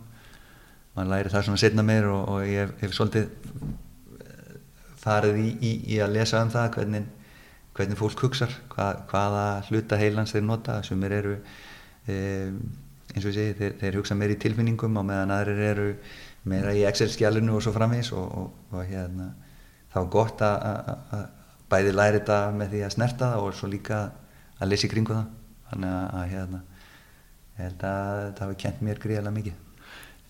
Ég las viðtölu ykkur báða eftir umspilsleikina motið Króti þegar hérna þegar honum er búið náttúrulega áframhaldið starf. Þú vilt ekki halda áfram sem aðstofþjálfari og hann tekur ekki mál að vera áfram um að hafa þér þig hlið sér var það hans hugmynd að þið myndu fara saman í þetta? Já, hann, þetta var svona hans tillega við myndum bara vera uh, saman með liðið og, og ég myndi svo taka við í einn á eftir mm. um, þá, þá hefði ég möguleika á að gera annað sem var, sem var spennandi og, og hérna um, mér, mér fannst ekki sérstaklega spennandi að vera aðstofþjálfari önnur tvö ár. Um, en þetta setti hlutina svolítið upp í nýtt samingi fyrir mig að, að, hérna, að gera fjögur ára samning og þá í leiðinni hérna, verða aðalþjálfari eftir tvö ár. Þannig að, að hérna, já, þetta, þetta var raunin að við, við, við fórum í, í þetta svoleiðis Viltur að hvað, hvað verkefni þetta var sem þau bauðst þarna þessi tíma? Nei, nei það, það var bæði hérna, hérna heima verkefni sem voru spennandi og, og ég hefði líklega látið vaða á, á verkefni hérna heima. Eh, hefði, hefði ekki verið hef, hefði ekki tekið þetta? Hvenar, hvenar, hvenar sástu, var það eftir þessa umspilsleiki eða, eða, eða, eða þá reyðleikefni að þú sást að, að, að svona, já, þetta lið getur farið á stórmót? Já, við vorum alveg hardir að við, við myndum fara til Rúslands, nei til, til, til uh, Brasilíu fyrir ekki uh, þegar við töp, töpuðum þessum okay. umspilsleik. Og, og okkur fannst við vera sterkari en gróti á þessum tíma. Það, það var, það var hérna, sundrung í, í grótíska landsleginu á þessum tíma. Þeir voru búin að skipta um þjálfara og þeir einhvern veginn svona þetta, við gáðum þeim með, með einhverjum fyllir í sögu frétt gáðum möguleika á að, að móti vera sig gegn okkur og þeir nýttu sér það og, og náða að þjappa sér saman og þetta eru þetta, þetta grótjölu var uh, vel mannað en, en hérna, þeir náðu einhvern veginn sínu besta leik og þeir talaðu um það sjálfur við hefum nú uh, lend með þeim í mörg ár þar og eftir uh, og þeir töluðu um það sjálfur þetta er bara eitt þeirra betri landsleikum þessi setni umspilsleikur út í Zagreb gegn okkur. Og það voru einhvern veginn maður mað sá og maður fann stemminguna í, í landsliðinu. Mm. og þeir voru einhvern veginn búinir að saminast eh, gegn Íslandi og þetta er eina skipti sem að landslið hefur hatað Ísland. Hver getur hatað Ísland? Við hefum ekki einu sinni hér sko. við hefum ekki gert neinu neitt. Þannig að þeir voru einhvern veginn búinir að þjappa sér saman og, og eins og ég segja sjálfur þetta er svona einna þeirra betri landsleikjum í, í, í langan tíma. Þannig að við, okkur fannst við vera með þá eh, einu færri hérna heima að gera jættefli á mótið hérna heima og okkur fannst vera lag en, en við áttum bæði ekki góðan leik og þeir áttum mjög góðan leik þannig að e, við vorum alveg vissir um það að við gáttum náðu lengra heldur en við gerum í þe þeirri kefni En ofta þá voru fjölmjöluna svona hjálpa, hjálpa, hjálpa liðunum að komast upp á tætnar Henri Byrkir um árið hérna. Þetta er bara eins og, eins og gerir stundum eru það pínlítli hlutir sem að geta skipt greiðlega miklu máli og, og, hérna, og þeir nýttu sér þarna eitthvað sem við höfum ekki stjórn á Ég, við þekkjum það bakar þessi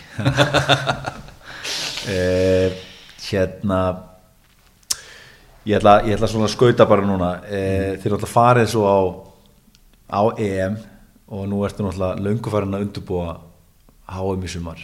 Mm. eh, er eitthvað sérstakt sem þið getið dreyið lærdum af? Eh, þá er þið eh, þeir eru komin á staðin það var allt mjög vel undurbúið laungubúið velja stað og svo leiðis en þetta er langt ferðalag og, og, og þá er við mótið er langt og, og það gengur á ymsu mm -hmm. er eitthvað sérstatt svona sem að vera neikar í Fraklandi sem að, sem að, sem að, sem að þið getið dreyið lærdoma fyrir, fyrir næstu?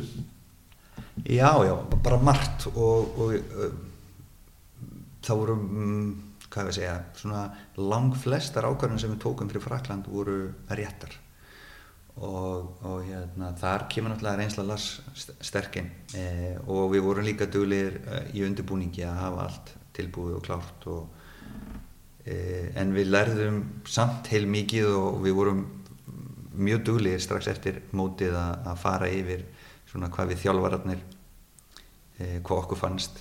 Heldum fundi og, og mér sé að vorum með fundi fyrir þjálfara hér á Íslandi hvað við gerðum, hvernig við gerðum vorum með æfingum og, og svona hvernig við lögum upp leikina hvernig við skátuðum anstæðingin og svo framins að því við viljum að svo þekking sem hún farið úr svona lokakefni að hún nýtist hér á Íslandi.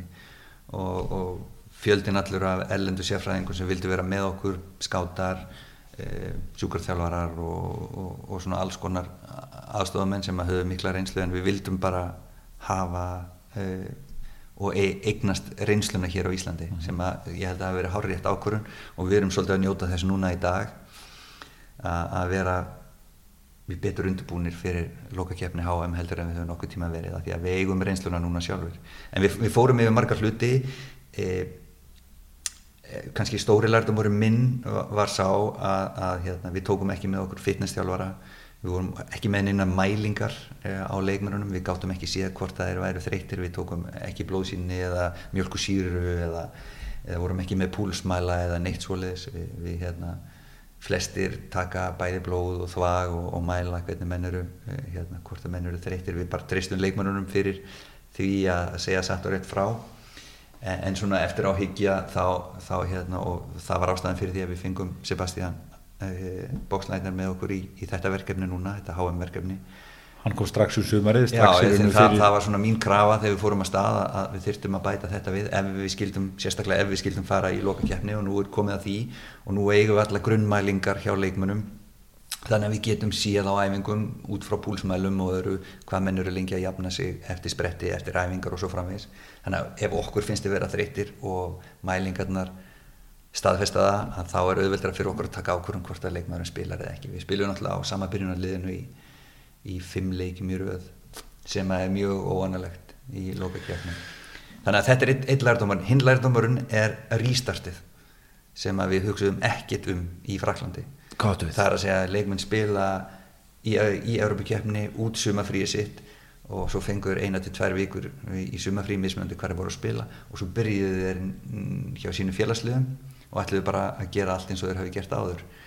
Og það voru nánast hverjum einasti leikmaður sem að byrja tímabili mjög illa. Hver einn og einasti íslenski leikmaður. Það voru bara Jón Daði og, og Emil sem að byrju tímabili sitt vel hjá sínu félagslega, aðrir áttu bara miklu merfileikum að svona ná formi og ég vil bara komast í byrjunarlið þannig að við lærðum, það, það var svona mín kannski mesta, mesti lærdómur að núna þurfum við að, að hugsa hvað landsleismenninni gera eftir á lokakefna, hvernig þeir taka frí og það, þeir læraðu þetta heilmikið á þessu sjálfur En hafið þið með að gera, hvernig þeir Nei, taka frí? Þetta, þetta, þetta, við áttum mjög erfitt með að, að fara stað aftur þegar við fórum svo út til Úgrænu og það er bara leikmenninni sjálfur voru að lendi í nýjum aðstæðum og, og þá lærir þetta smátt og smátt hvernig þú átt að bregðast við, hvað, hvað þú gerir eftir eftir hérna, svona langt verkefni hvað gerir við þessum einum, einni viku eða tveimu vikum sem við höfum frí þannig að þarfst að fara í undirbúinstjáðanbíl þannig að, að hérna, þetta er mikill lærdomur við erum með leikmenn eins og, eins og Ronaldo sem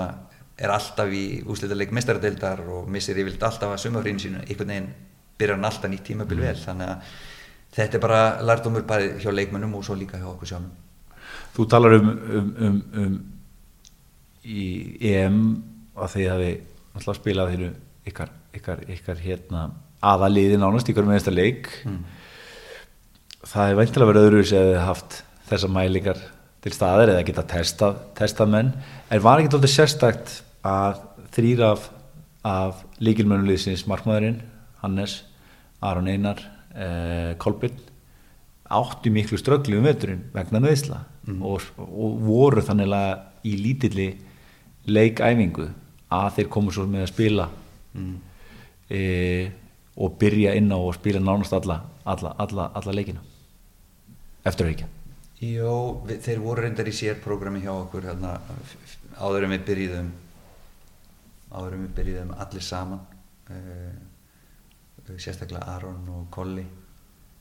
Uh, Hannes var, var, var búinn að spila einhverja leiki með, með félagsleirinu sínu þannig að við vissum að hann var í lægi og var mjög duglugur að æfa eftir aðgerina e, það var náttúrulega bara vafasamt hvort að Kolli og, og Aron myndi ná þessu en, en þetta eru bæði karakterar sem hafa reynslu af svona meðslum og, og hérna þekkja, þekkja takmörki sín. Þannig að þetta er strákar sem var hægt að trista til þess að segja, segja hvort þú voru klárið eða ekki. Uh, Hefur þú gert í því? Nú ertu náttúrulega á mörgum ráðstefnum og, og ferðast víða út af, út af þínu starfi. Hefur þú gert í því að, að leita í reyndari menn og, og til þess að fá reynslu frá þeim? Já, það, auðvitað, ger, gerum við það og reynir að reynir að mjólka og spurja og hvað þeim finnst um ákveðna hluti og svo framvegs og, og hérna e, gaman og sérstaklega þegar það vart með ykkur sem þú tengir við e, það sem þú ert að gera og, og það er náttúrulega bara það er þannig í lífunu að þú getur aldrei orðið sérfræðingur á neinu sviði nema þá annarkort að reyka þig á all mistökin eða læra af þeim sem að hafa reynsluna. Það er miklu fljóðleiri leið að, að hérna, verða góður í þínu, þínu jobbi. Þannig að, að hérna, e, ég hef reyndist mikið og ég mögulega gett Þú, þú og menn tala mikið um, um það og, og svo sem þegar maður, maður er eldri í þessu að, að yngri leikmenn vanti kardir þá er við bara þessi leikmenn sem er komið upp með meistarflokk 17, 18 ára. Og þeir eru týrætt um svona okkar ætti í út talar um Nóri að þeir hafa tapað sínum einkennum. Mm -hmm. og við erum alltaf með þessa vinnusemi, þessa félagsfærni. Hefur ágjur að, að við séum að tapa okkar einkennum? Njá, sko, ég held bara að, að við séum svolítið að breytast bara í takt við tíman það er bara nútíminn er þannig að það er svo auðvelt að fá hlutina. Það er svo auðvelt að fá allt upp í hendunar bæði bara í gegnum tölfur þú þarft orðið lítið að hafa fyrir hlutunum það er ekki einu svona fórt í búð, getur látið að senda þetta heimtíðin. E, og það sama á við með æfingarnar, fótballtæfingarnar þetta, þetta er að verða e, allt svolítið steriliserað og með því það er hætta með það að við getum orðið séð hvernig þeir bestu eru að gera þetta. Við förum allir að herma eftir því sem þeir bestu eru að gera hvort sem það er æfingar hjá Barcelona eða, eða hverju sem það eru. En, en við erum kannski og þurfum ef við ætlum að halda áfram með á þessari vefferð með, með samskona stíl þá þurfum við svolítið að hugsa að við þurfum að búa til öðruvísi karakteri heldur en allir hínir og ég átt sagt að ef við ætlum að gera ef við ætlum að reyna spilins og spán þá verðum við all, alltaf bara léli eftirlíking af spáni. Eða Belgíu eða, eða Ítalíu eða, eða hvað sem það er. Þannig að við verðum svolítið að hugsa á annan hátt.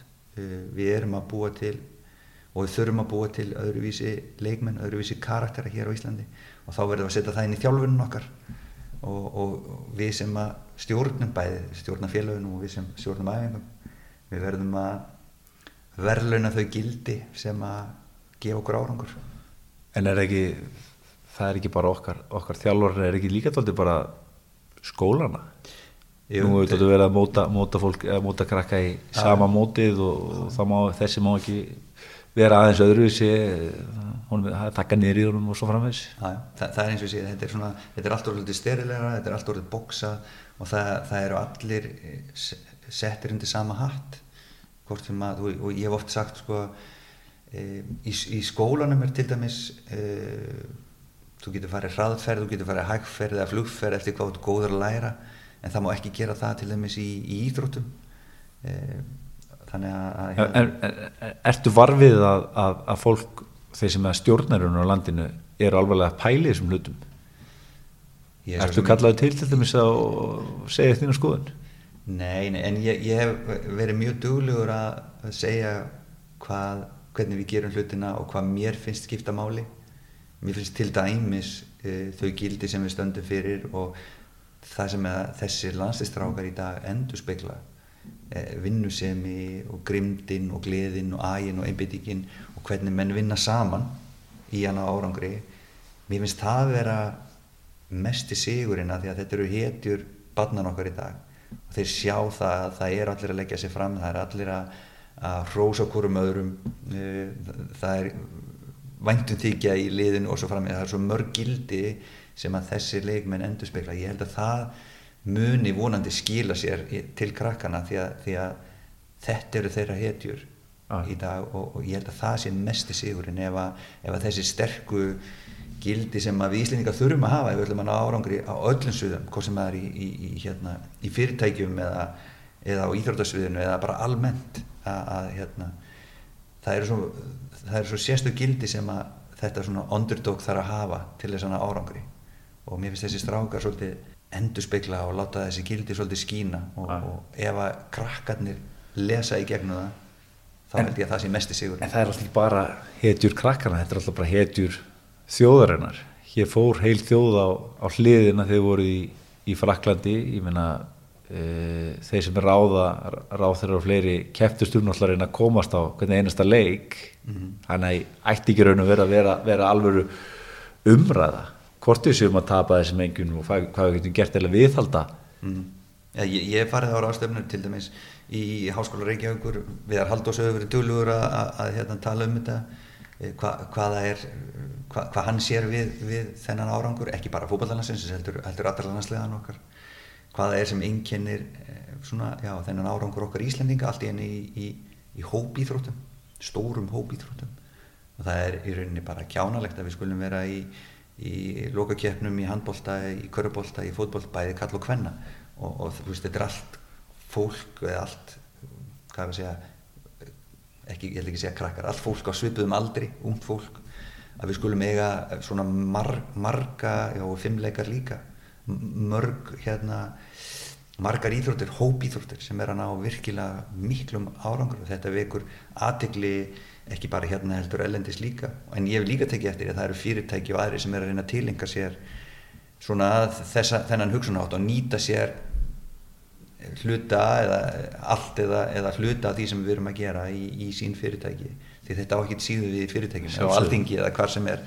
Eh, við náum bara miklu meira árangur við vinnum saman heldur en í sikkura lagi. Já, já. og það, það er menningin í dag að þetta gengur allt út á eh, mý, þetta er allt, allt um mig sjálfan. Ég tek mynda selfie að sjálfum mér og eh, setja það og sjá hvað ég er flottur. En ég er búinn að mála með að ég var að baka rosa fína köku, sjá þið, hrósiði mér. Þetta gengur svolítið þjóðfélagi í dag gengur svolítið að, að ég er að sækjast eftir hrósi en það er miklu minnum það að, að, að hérna, ég sé að upphefi einhvern annan við hliðin á mér sem að mér finnst þessi strákar svo óbúslega góðir í að gera að, að þeir eru tilbúin til að leggja sig 100% fram, henda sér fyrir, fyrir náungan svo að hann fái aðdeglina og það er eitthvað sem að, sem að mér finnst vera svolítið að minka í, í veröldin í dag. Algjörlega. E, og hvað þetta voruð hinsbyggilegt Já, þetta- þetta þetta er að átti sko. Hvern, hvernig getur, getur líst í stuttum máli? Hvað, hvaða breytingum hvaða breytingar þú gerðir á, á landsliðinu þú tókst alfræði við sem, sem afþjálfari Já, já, við vorum auðvitað meðvitaðir að, að það þyrft að gera ímislegt til þess að fyrsta lagi bara til að mótivera menn til þess að halda áfram að bæta sig. Um, og ég, ég þú nefndi nú svona erlenda þjálfara ég, ég satt eftir kínaverkefni eða í kínaverkefni satt ég með Marcelo Lippi sem að hérna, var heimsmystari með Ítalíu og held áfram Ítalíu og svona ein spurningi sem ég hef búin að ákvæða að spyrja hann hvað hva ákvæðast að gera til þess að breyta eða móti, uh, mótivera menn fyrir rístart og hann sagði enda alla setningar á A hérna hjá Ítalum og hann þá sagði hann við, við mig sko að hann hendi þarna 60 leikmennum út úr hópnum og tók nýja leikmenn inn til þess að sjokkera hópin ég bent honum bara góðfúslega á það að við værum ekki með seríu að það sem við getum tekið bara leikmenn upp, við værum bara Ísland. En það, það svona e, mótaði örgulega aðeins þá ákvörðun hjá okkur að, að rótira í liðinu sem við gerðum svolítið uh, hérna í framhaldinu, það var bæði náttúrulega út af meðslum en líka meðvitað að við þyrftum að ekki bara að gefa nýju leikmennu séns, heldur líka aðeins að, að sjokkera þá sem að voru búin að vera nánast fasti byrjunleismenn í, í fjögur ár bara til að sína þeim að, að hérna, þeir get ekki farið í eitthvað comfort zone. Uh, þannig að við, við breytum svolítið í hópnum, tókum í nýja leikmenn og við höfum aðeins fyrta í leikjörfinu sem var, sem var mjög heilagt í, í langan tíma. E, við tókum við þetta inn e, Helga og Sebastian með aðeins öðruvísi svona vingil á, á þjálfun og, og hérna vanir svona þessari atvinnumennsku úr félagsliði e, já, svo margt annað. Við, við vissum að við vildum halda struktúrnum vildum ekki breyta miklu en við þyrftum að bæta okkur á öllum sviðum hvort sem var sjúkarþjálfurinn, hvort sem var ferðarlögin, aðbúnaðurinn þjálfuninn, fundirnir. Við þurftum að hafa það sínilegt að umgjörðin væri að batna, við varum að reyna að bæta okkur til þess að fá leikmennin að líka til þess að bæta sjálfan sig. Og, og sambandi hefur verið klárið það verkefni með þér? Já, við, við vorum ég var búin að undirbúin með nokkuð vel uh, undir undir hérna þennan fyrsta fund eftir EM með, með eh, landslýs uh, eh, einvöldunum. Og þar svona sagði ég hva, hvaða sín ég hefði á hvernig við getum tekið næsta skref. Og það var mjög erfitt að aðbyrja upp og nýtt eðlilega, við vorum búin að vera á stæðstu leikullum í Fraklandi 70-80 manns og fyrstu leikinni voru Úgræna úti uh, fyrir luktundirum og Kroatia úti fyrir luktundirum og þetta voru svona það var svolítið erfitt að mótivera sig í, í, í svona leiki.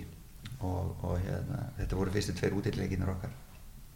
Þannig að uh, já bara hrósti strákana að hérna, byrja eins stert og þeir gerðu. Það, það voru mikið meðsli margir frá uh, og bara ef við byrjum okkur saman við þau lið sem voru að spila í fyrsta skipti e, í, í lokakjæfni Veils, eh, Ír, Írarnir e, Albania.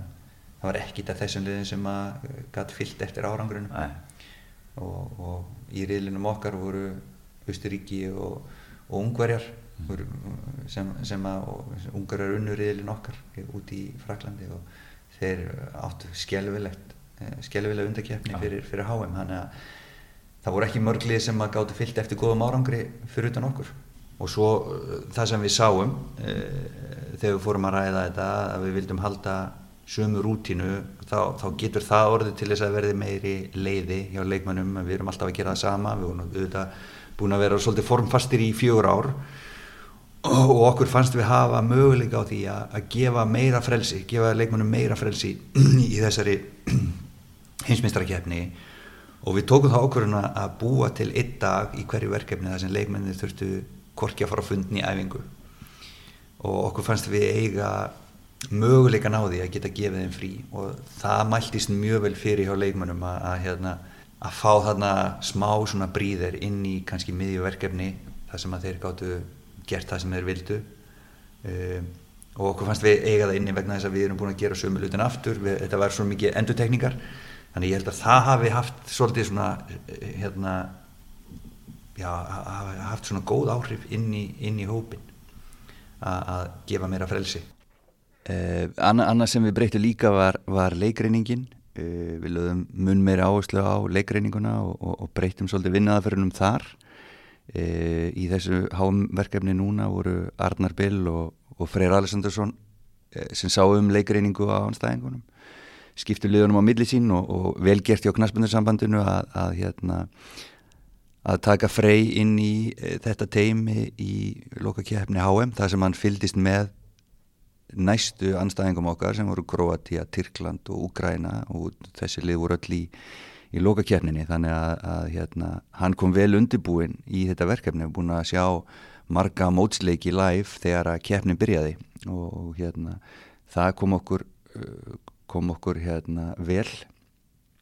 Og það sem við breytum líka e, og svona til þess að brjóta upp það sem við höfum verið að gera var það að þeir sáu svo um fundina um anstæðingin e, fyrir strákana. Þannig að það kom nýrött og, og hérna svona já, öðruvísi talsmáti og, og hérna svona feskublæð svolítið inn í, inn í undirbúningin okkar.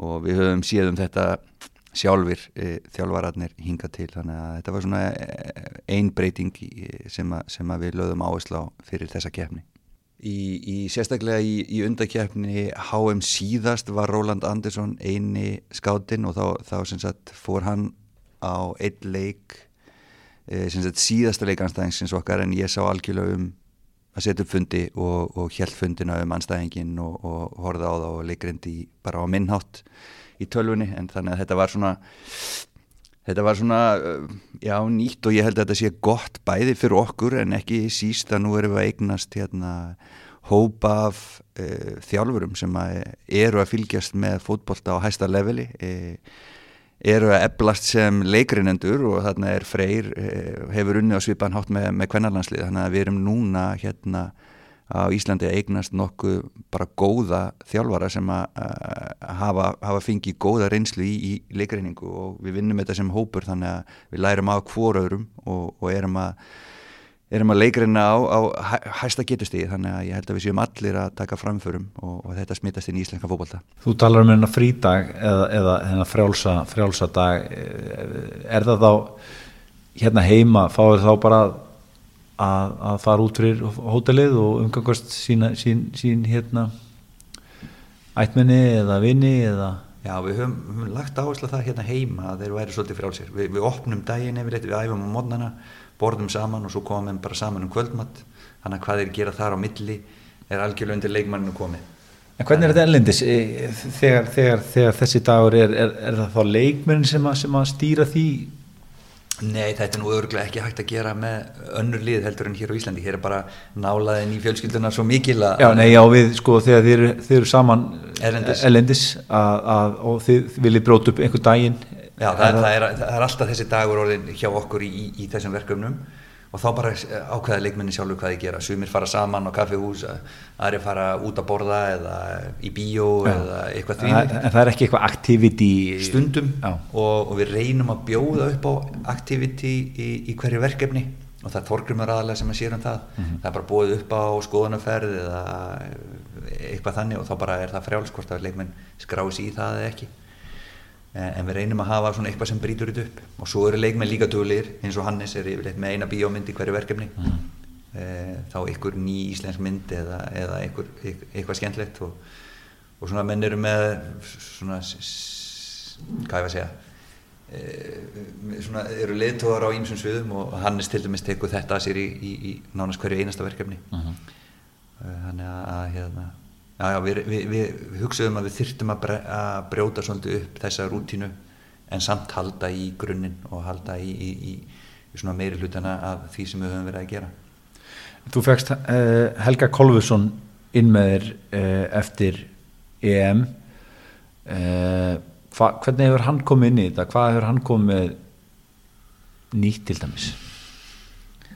Hann náttúrulega kemur upp, sko, ef ég, ef ég segja alveg frá svona hvernig ég sé þetta uh, Lars kom með gríðarlega mikla reynslu sem þjálfari uh, á þessu uh, á þessu leveli. Helgi kemur svo kannski með öðruvísi vingil sem, sem leikmaður, sem landsleismadur sem atvinnumadur og sem þjálfari svo í, í, í klúpi þannig að það var mjög gott að fá svona öðruvísi þangagang inn í eitthvað fastmótað sístem hjá okkur og hann tekur yfirleitt þegar við ræðum hlutina þá tekur hann yfirleitt vingi leikmannsins horfir út, út frá svolítið vinkli leikmannsins. Og það var mjög gott uh, bara hvernig honum leið þegar hann var að tapa í sínu félagsliði og svo kom hann til landsleysins og, og hérna hann hefur hef svolítið hjálpað leikmennunum kom tekið hann svolítið þeirra vingil ekki bara þjálfóra vingilin mm og hann og Sebastian eru eh, hérna komið með margar mjög góðar áherslur inn í, inn í eh, svona þetta, þetta, þetta fastmótaða umhverfið okkar.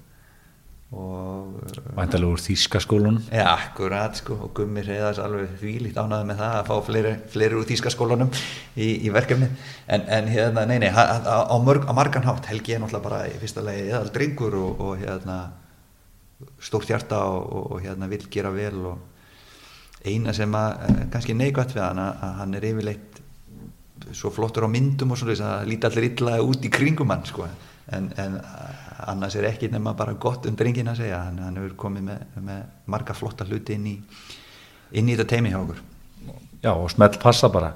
Eh, hérna mun eitthvað breytast í umgjörðinu í, í lokakettinu í, í Rúslandi eh, myndu bæta við á einhverju inn í teimið? Uh, já, það verða þó nokkra áherslu breytingar uh, í Rúslandi bæði út frá reynslu okkar í, í Fraklandi og einni vegna þess að og Rúsland er bara allt, allt annar land og önnur logístík heldur en í, í Fraklandi fyrsta lagi um, vann starfsfólkið óbúslega mikið í Fraklandi og, og hérna við vorum saman í rúmar þrjára vikur. Uh, já, við getum sagt að við höfum verið saman bara í fjórar vikur. Og æst á hverjum degi fundað á hverjum degi unnið á hverjum degi. Og það gerir það enginn í, í dælu lífi að vinna frá sunnudegi til sunnudags frá 8 mótuna til 10 kvöldin. Við gátum þetta út í Fraklandi að, að þetta var allt svo gaman, þetta var allt svo stórt og menn fóru svolítið á adrenalínu. En maður fann alveg í lokin að það var óbúslega mikil þreita mm -hmm. Þannig að í fyrsta lagi ætlum við að læra svolítið af því. Eh, við ætlum að, að skipa staffinu að taka þessi frídag og vera þá með backup eh, bæði rótera eh, verkefnum þannig að menn færa sér svolítið til og, hjálpa hverjum öðrum. Við ætlum að vera með sagt, einn auka sjúkarþjálfara það er náttúrulega mesta vinnan á, á þeim. Þannig að það sé einn, í, í fríi. Og það er bara nöðsilegt að því að við ætlum okkur langt og við hugsum þannig að við ætlum að vera saman í, í rúman mánu út í Rúslandi og, og þá verðum við auðvitað með og ekki gera það þannig að þegar að stæsti leikurinn kemur að það sé allir sprungnir. Þannig að það, það er nú það fyrsta sem við þurfum að, að, hérna, að taka til greina og við, við nýtum lærdum frá Fraklandi í þessu. E, hitt sem að e, verður öðruvísi er vegalengdinar, þær eru svo gríðarlega miklar. Við gáttum til dæmis eh, sendt þá sem voru að horfa á anstæðingan okkar við gáttum sendt á, á leiki og þeir komið til okkur aftur um kvöld mm. það er ekki hægt í Rúslandi það, það eru, bæðir eru við á, á sérstökum stað sunnarlega þannig að það er ekki beint flug á, á staðin okkar þannig að við verðum með svona base í, í Moskvu fyrir þá hluta af, af starffólkinu sem er ekki hjá okkur mm. e, í basekampinu þannig að við verðum með Skype-fundi til að stekla við skátana hvort sem eru ykkur staðar í, í borgum í Rúslandi eða í eða í, í hérna sendiráðinu, íslenska sendiráðinu í, í Moskvu. Þannig að, að hérna, það, er, það er til dæmis annað sem er öðruvísi. Þannig að það, er, það eru margir hluti sem að þarf að aðlega Rúslandi mm -hmm. sem, að, sem voru allt öðruvísi í Fraklandi en þetta er svona þessi tveir, tveir kannski stæðstu þættir sem við breytum. Eh, núna undanferðið hafa verið fréttir um, um framaldi hjá þér mm -hmm. eh, og, og að, að, að, að viðræður þínar eru komnar á, á ís ræðist að gengi liðsins í, í Rúslandi með það, með framaldi, hvort þú heldur áfram? Nei, nei, nei, nei. Ég, ég hef oft sagt að hérna og, og stendali við það að þetta er að vera með sína þjóð þjálfari fyrir þjóðina sína að fara í fyrsta skipti á HM e, og eins og umgjörðin og, og þetta er allt í, í og leikmenn og annað er í kringum okkur þá er þetta alveg öruglega bara besta starfi heimi fyrir þjálfara og, og hérna þá er ég að meina við erum í sérstökum samskiptum við stuðnismennin okkar við erum í mjög góðum samskiptum við fjölmiðla á, á Íslandi mjög ólíkt öðrum mm -hmm. landsliðum og svona það, það er óbúslega samstaða og, og það er, það er sérstaklega að vera að þjálfa lið þar sem að maður fær ekki e, já, það sem fær jafn litla gaggrinni kannski og við höfum fengið en það hefur svona mest allt gengið upp hjá okkur. En ég, þegar að þetta HM er, er þegar því er lokið þá er ég búin að vera 7 ár nánast í vinnu hjá, hjá Arlandsliði Karla. Og það er, það er líklega helmingi lengur heldur en það lengst að hinga til og, og mér langar að sjá hvort það er eitthvað annað í búiði mér langar að vera áfram en það er líka, auðvitað myndi ég vilja hafa það þannig að ég geti bara ákveðið það sjálfur eftir HM, hvort ég verði áfram eða ekki. Og, ég, og bara samningurinn minn sé tilbúin og engin ráðin í staðin en ég veit að þannig er ekki þannig er þetta ekki í dag. Þannig að, að ég er auðvitað að taka smá áhættu með því að, að byggja um það að, að hérna fá að býða með þetta þá, ef skildir þetta þá, þá er bara beðið með þetta fram yfir mót.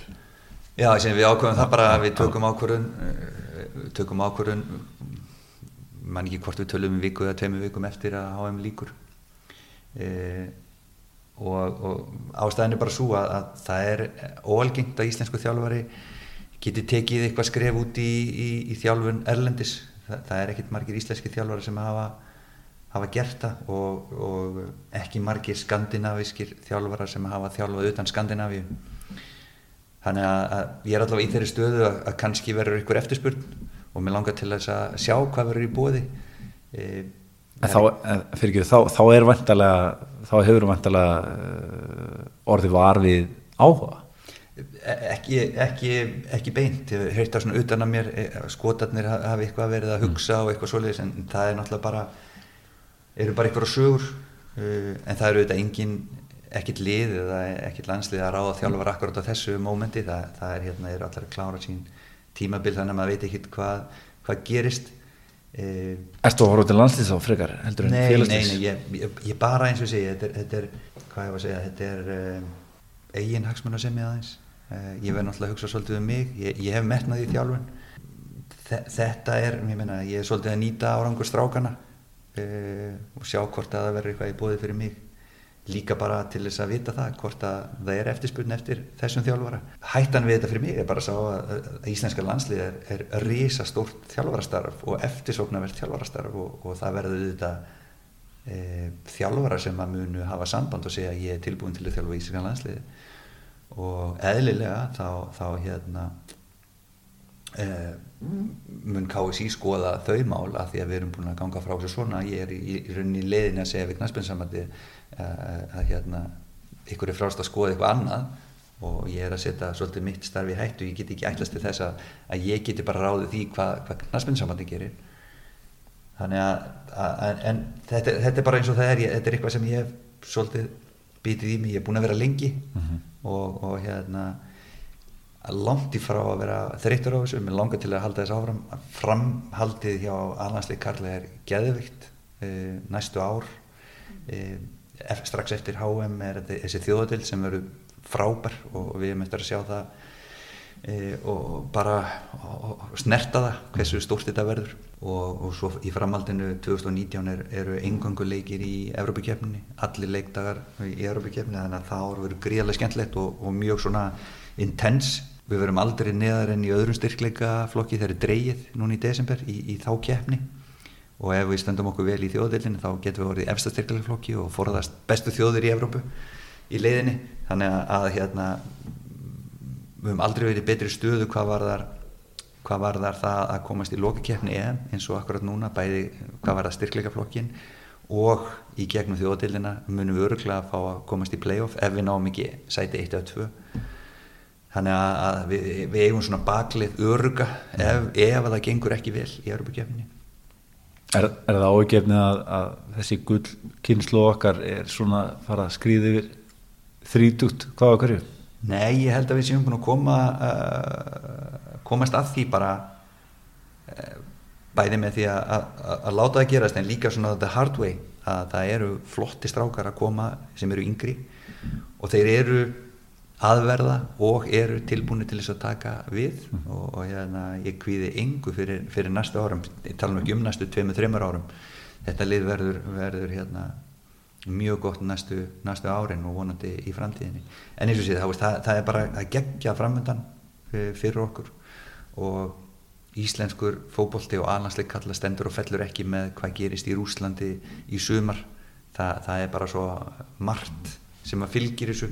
Í fyrsta lagi e, nýr völlur e, þessi þjóðadeild mun auka tekjur knastmjöndsambansins e, þessi staða sem verður mý mun auka tekjur knastmjöndsambansins sjónvarstekjur og, og annað og, og já bara það er mikill meðbyr það er mikill möguleiki markaslega fyrir íslenska landsliði fyrir íslenskan fótbolta. Og það er bara svo margir möguleikar og mörg tækifæri sem að býð okkar þannig að þetta, þetta er mjög, mjög spennandi næstu 2-3-4 ár hjá, hjá, hjá KSI og landsleginu Þetta er nú alveg búið mm. eh, aðeins varandi þessar pælingaðinnar eh, hvernig virkar þetta? Nú spyr ég bara því ég veit það ekki Ertu með umbúsmann? Nei, en ég þurfti nú líklega að fara í, í það að fá mér, mér umbúsmann og, og ég, ég, hef ekkert verið að hugsa út, um, út í þetta eina sem ég vildi gera er að vera bara heiðalugur gangvart knastbundussambandinu mm. og við ákvaðum það bara strax í, í samfunna við ætlum ekki að vera að bugrast með hlutina heldur bara að segja það eins og þeir eru og einhverjur kannski ónar með þetta svona en, en hérna við vildum frekar vera heiðarleir þó að einhverju verði ónaði með, með þetta og ónaði með mig. En ef að ég hugsa ekki um sjálfa mig þá, þá mun engin annar gera það. Þannig að, að hérna, e, hvað sem gerist þá, þá er, er, er landsliðið á góðan stað. Það er allan að staðarændi mér að þú varst 50 ára síðust ári. Og, og það er og er ekkit að yngjast það, það, er, það kort, út sem, sem þjálfari.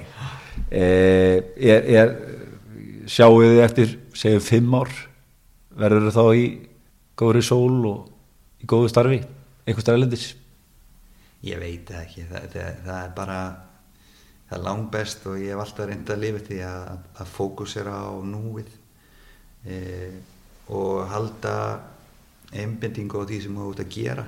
Og ef þú gerir það vel að þá leiður það yfirleitt í rétt átt. Og, og hérna, þetta hefur nú komið svona e, nokkuð áreinslulegst einhvern veginn stærri og stærri verkefni fyrir mig og ég held að það sé líkillinn hjá mér allavega að, að vera ekki að hugsa um eitthvað annað þegar ég er í, í þessu og þannig verður það. Og við erum að fara í stærsta verkefni í, í sögu íslensk fókbalta að fara í lokakefni HM og, og það væri bara ósmann sæði að fara að hugsa um eitthvað annað með öll í þessu verkefni. Þannig að eh, við erum allir að heilum og heilum hugi í, í undirbúningi og og erum búin að eh, plana langt fram í tíman líka. Við erum búin að plana 2018 þessa, þessa þjóðatild við erum búin að eh, plana 2020 Europakefnina e, ferðalög og, og, og, og margt í kringum þetta. Þannig að hvernig við viljum taka þetta eh, landslið áfram og bæta hlutin í kringum okkur.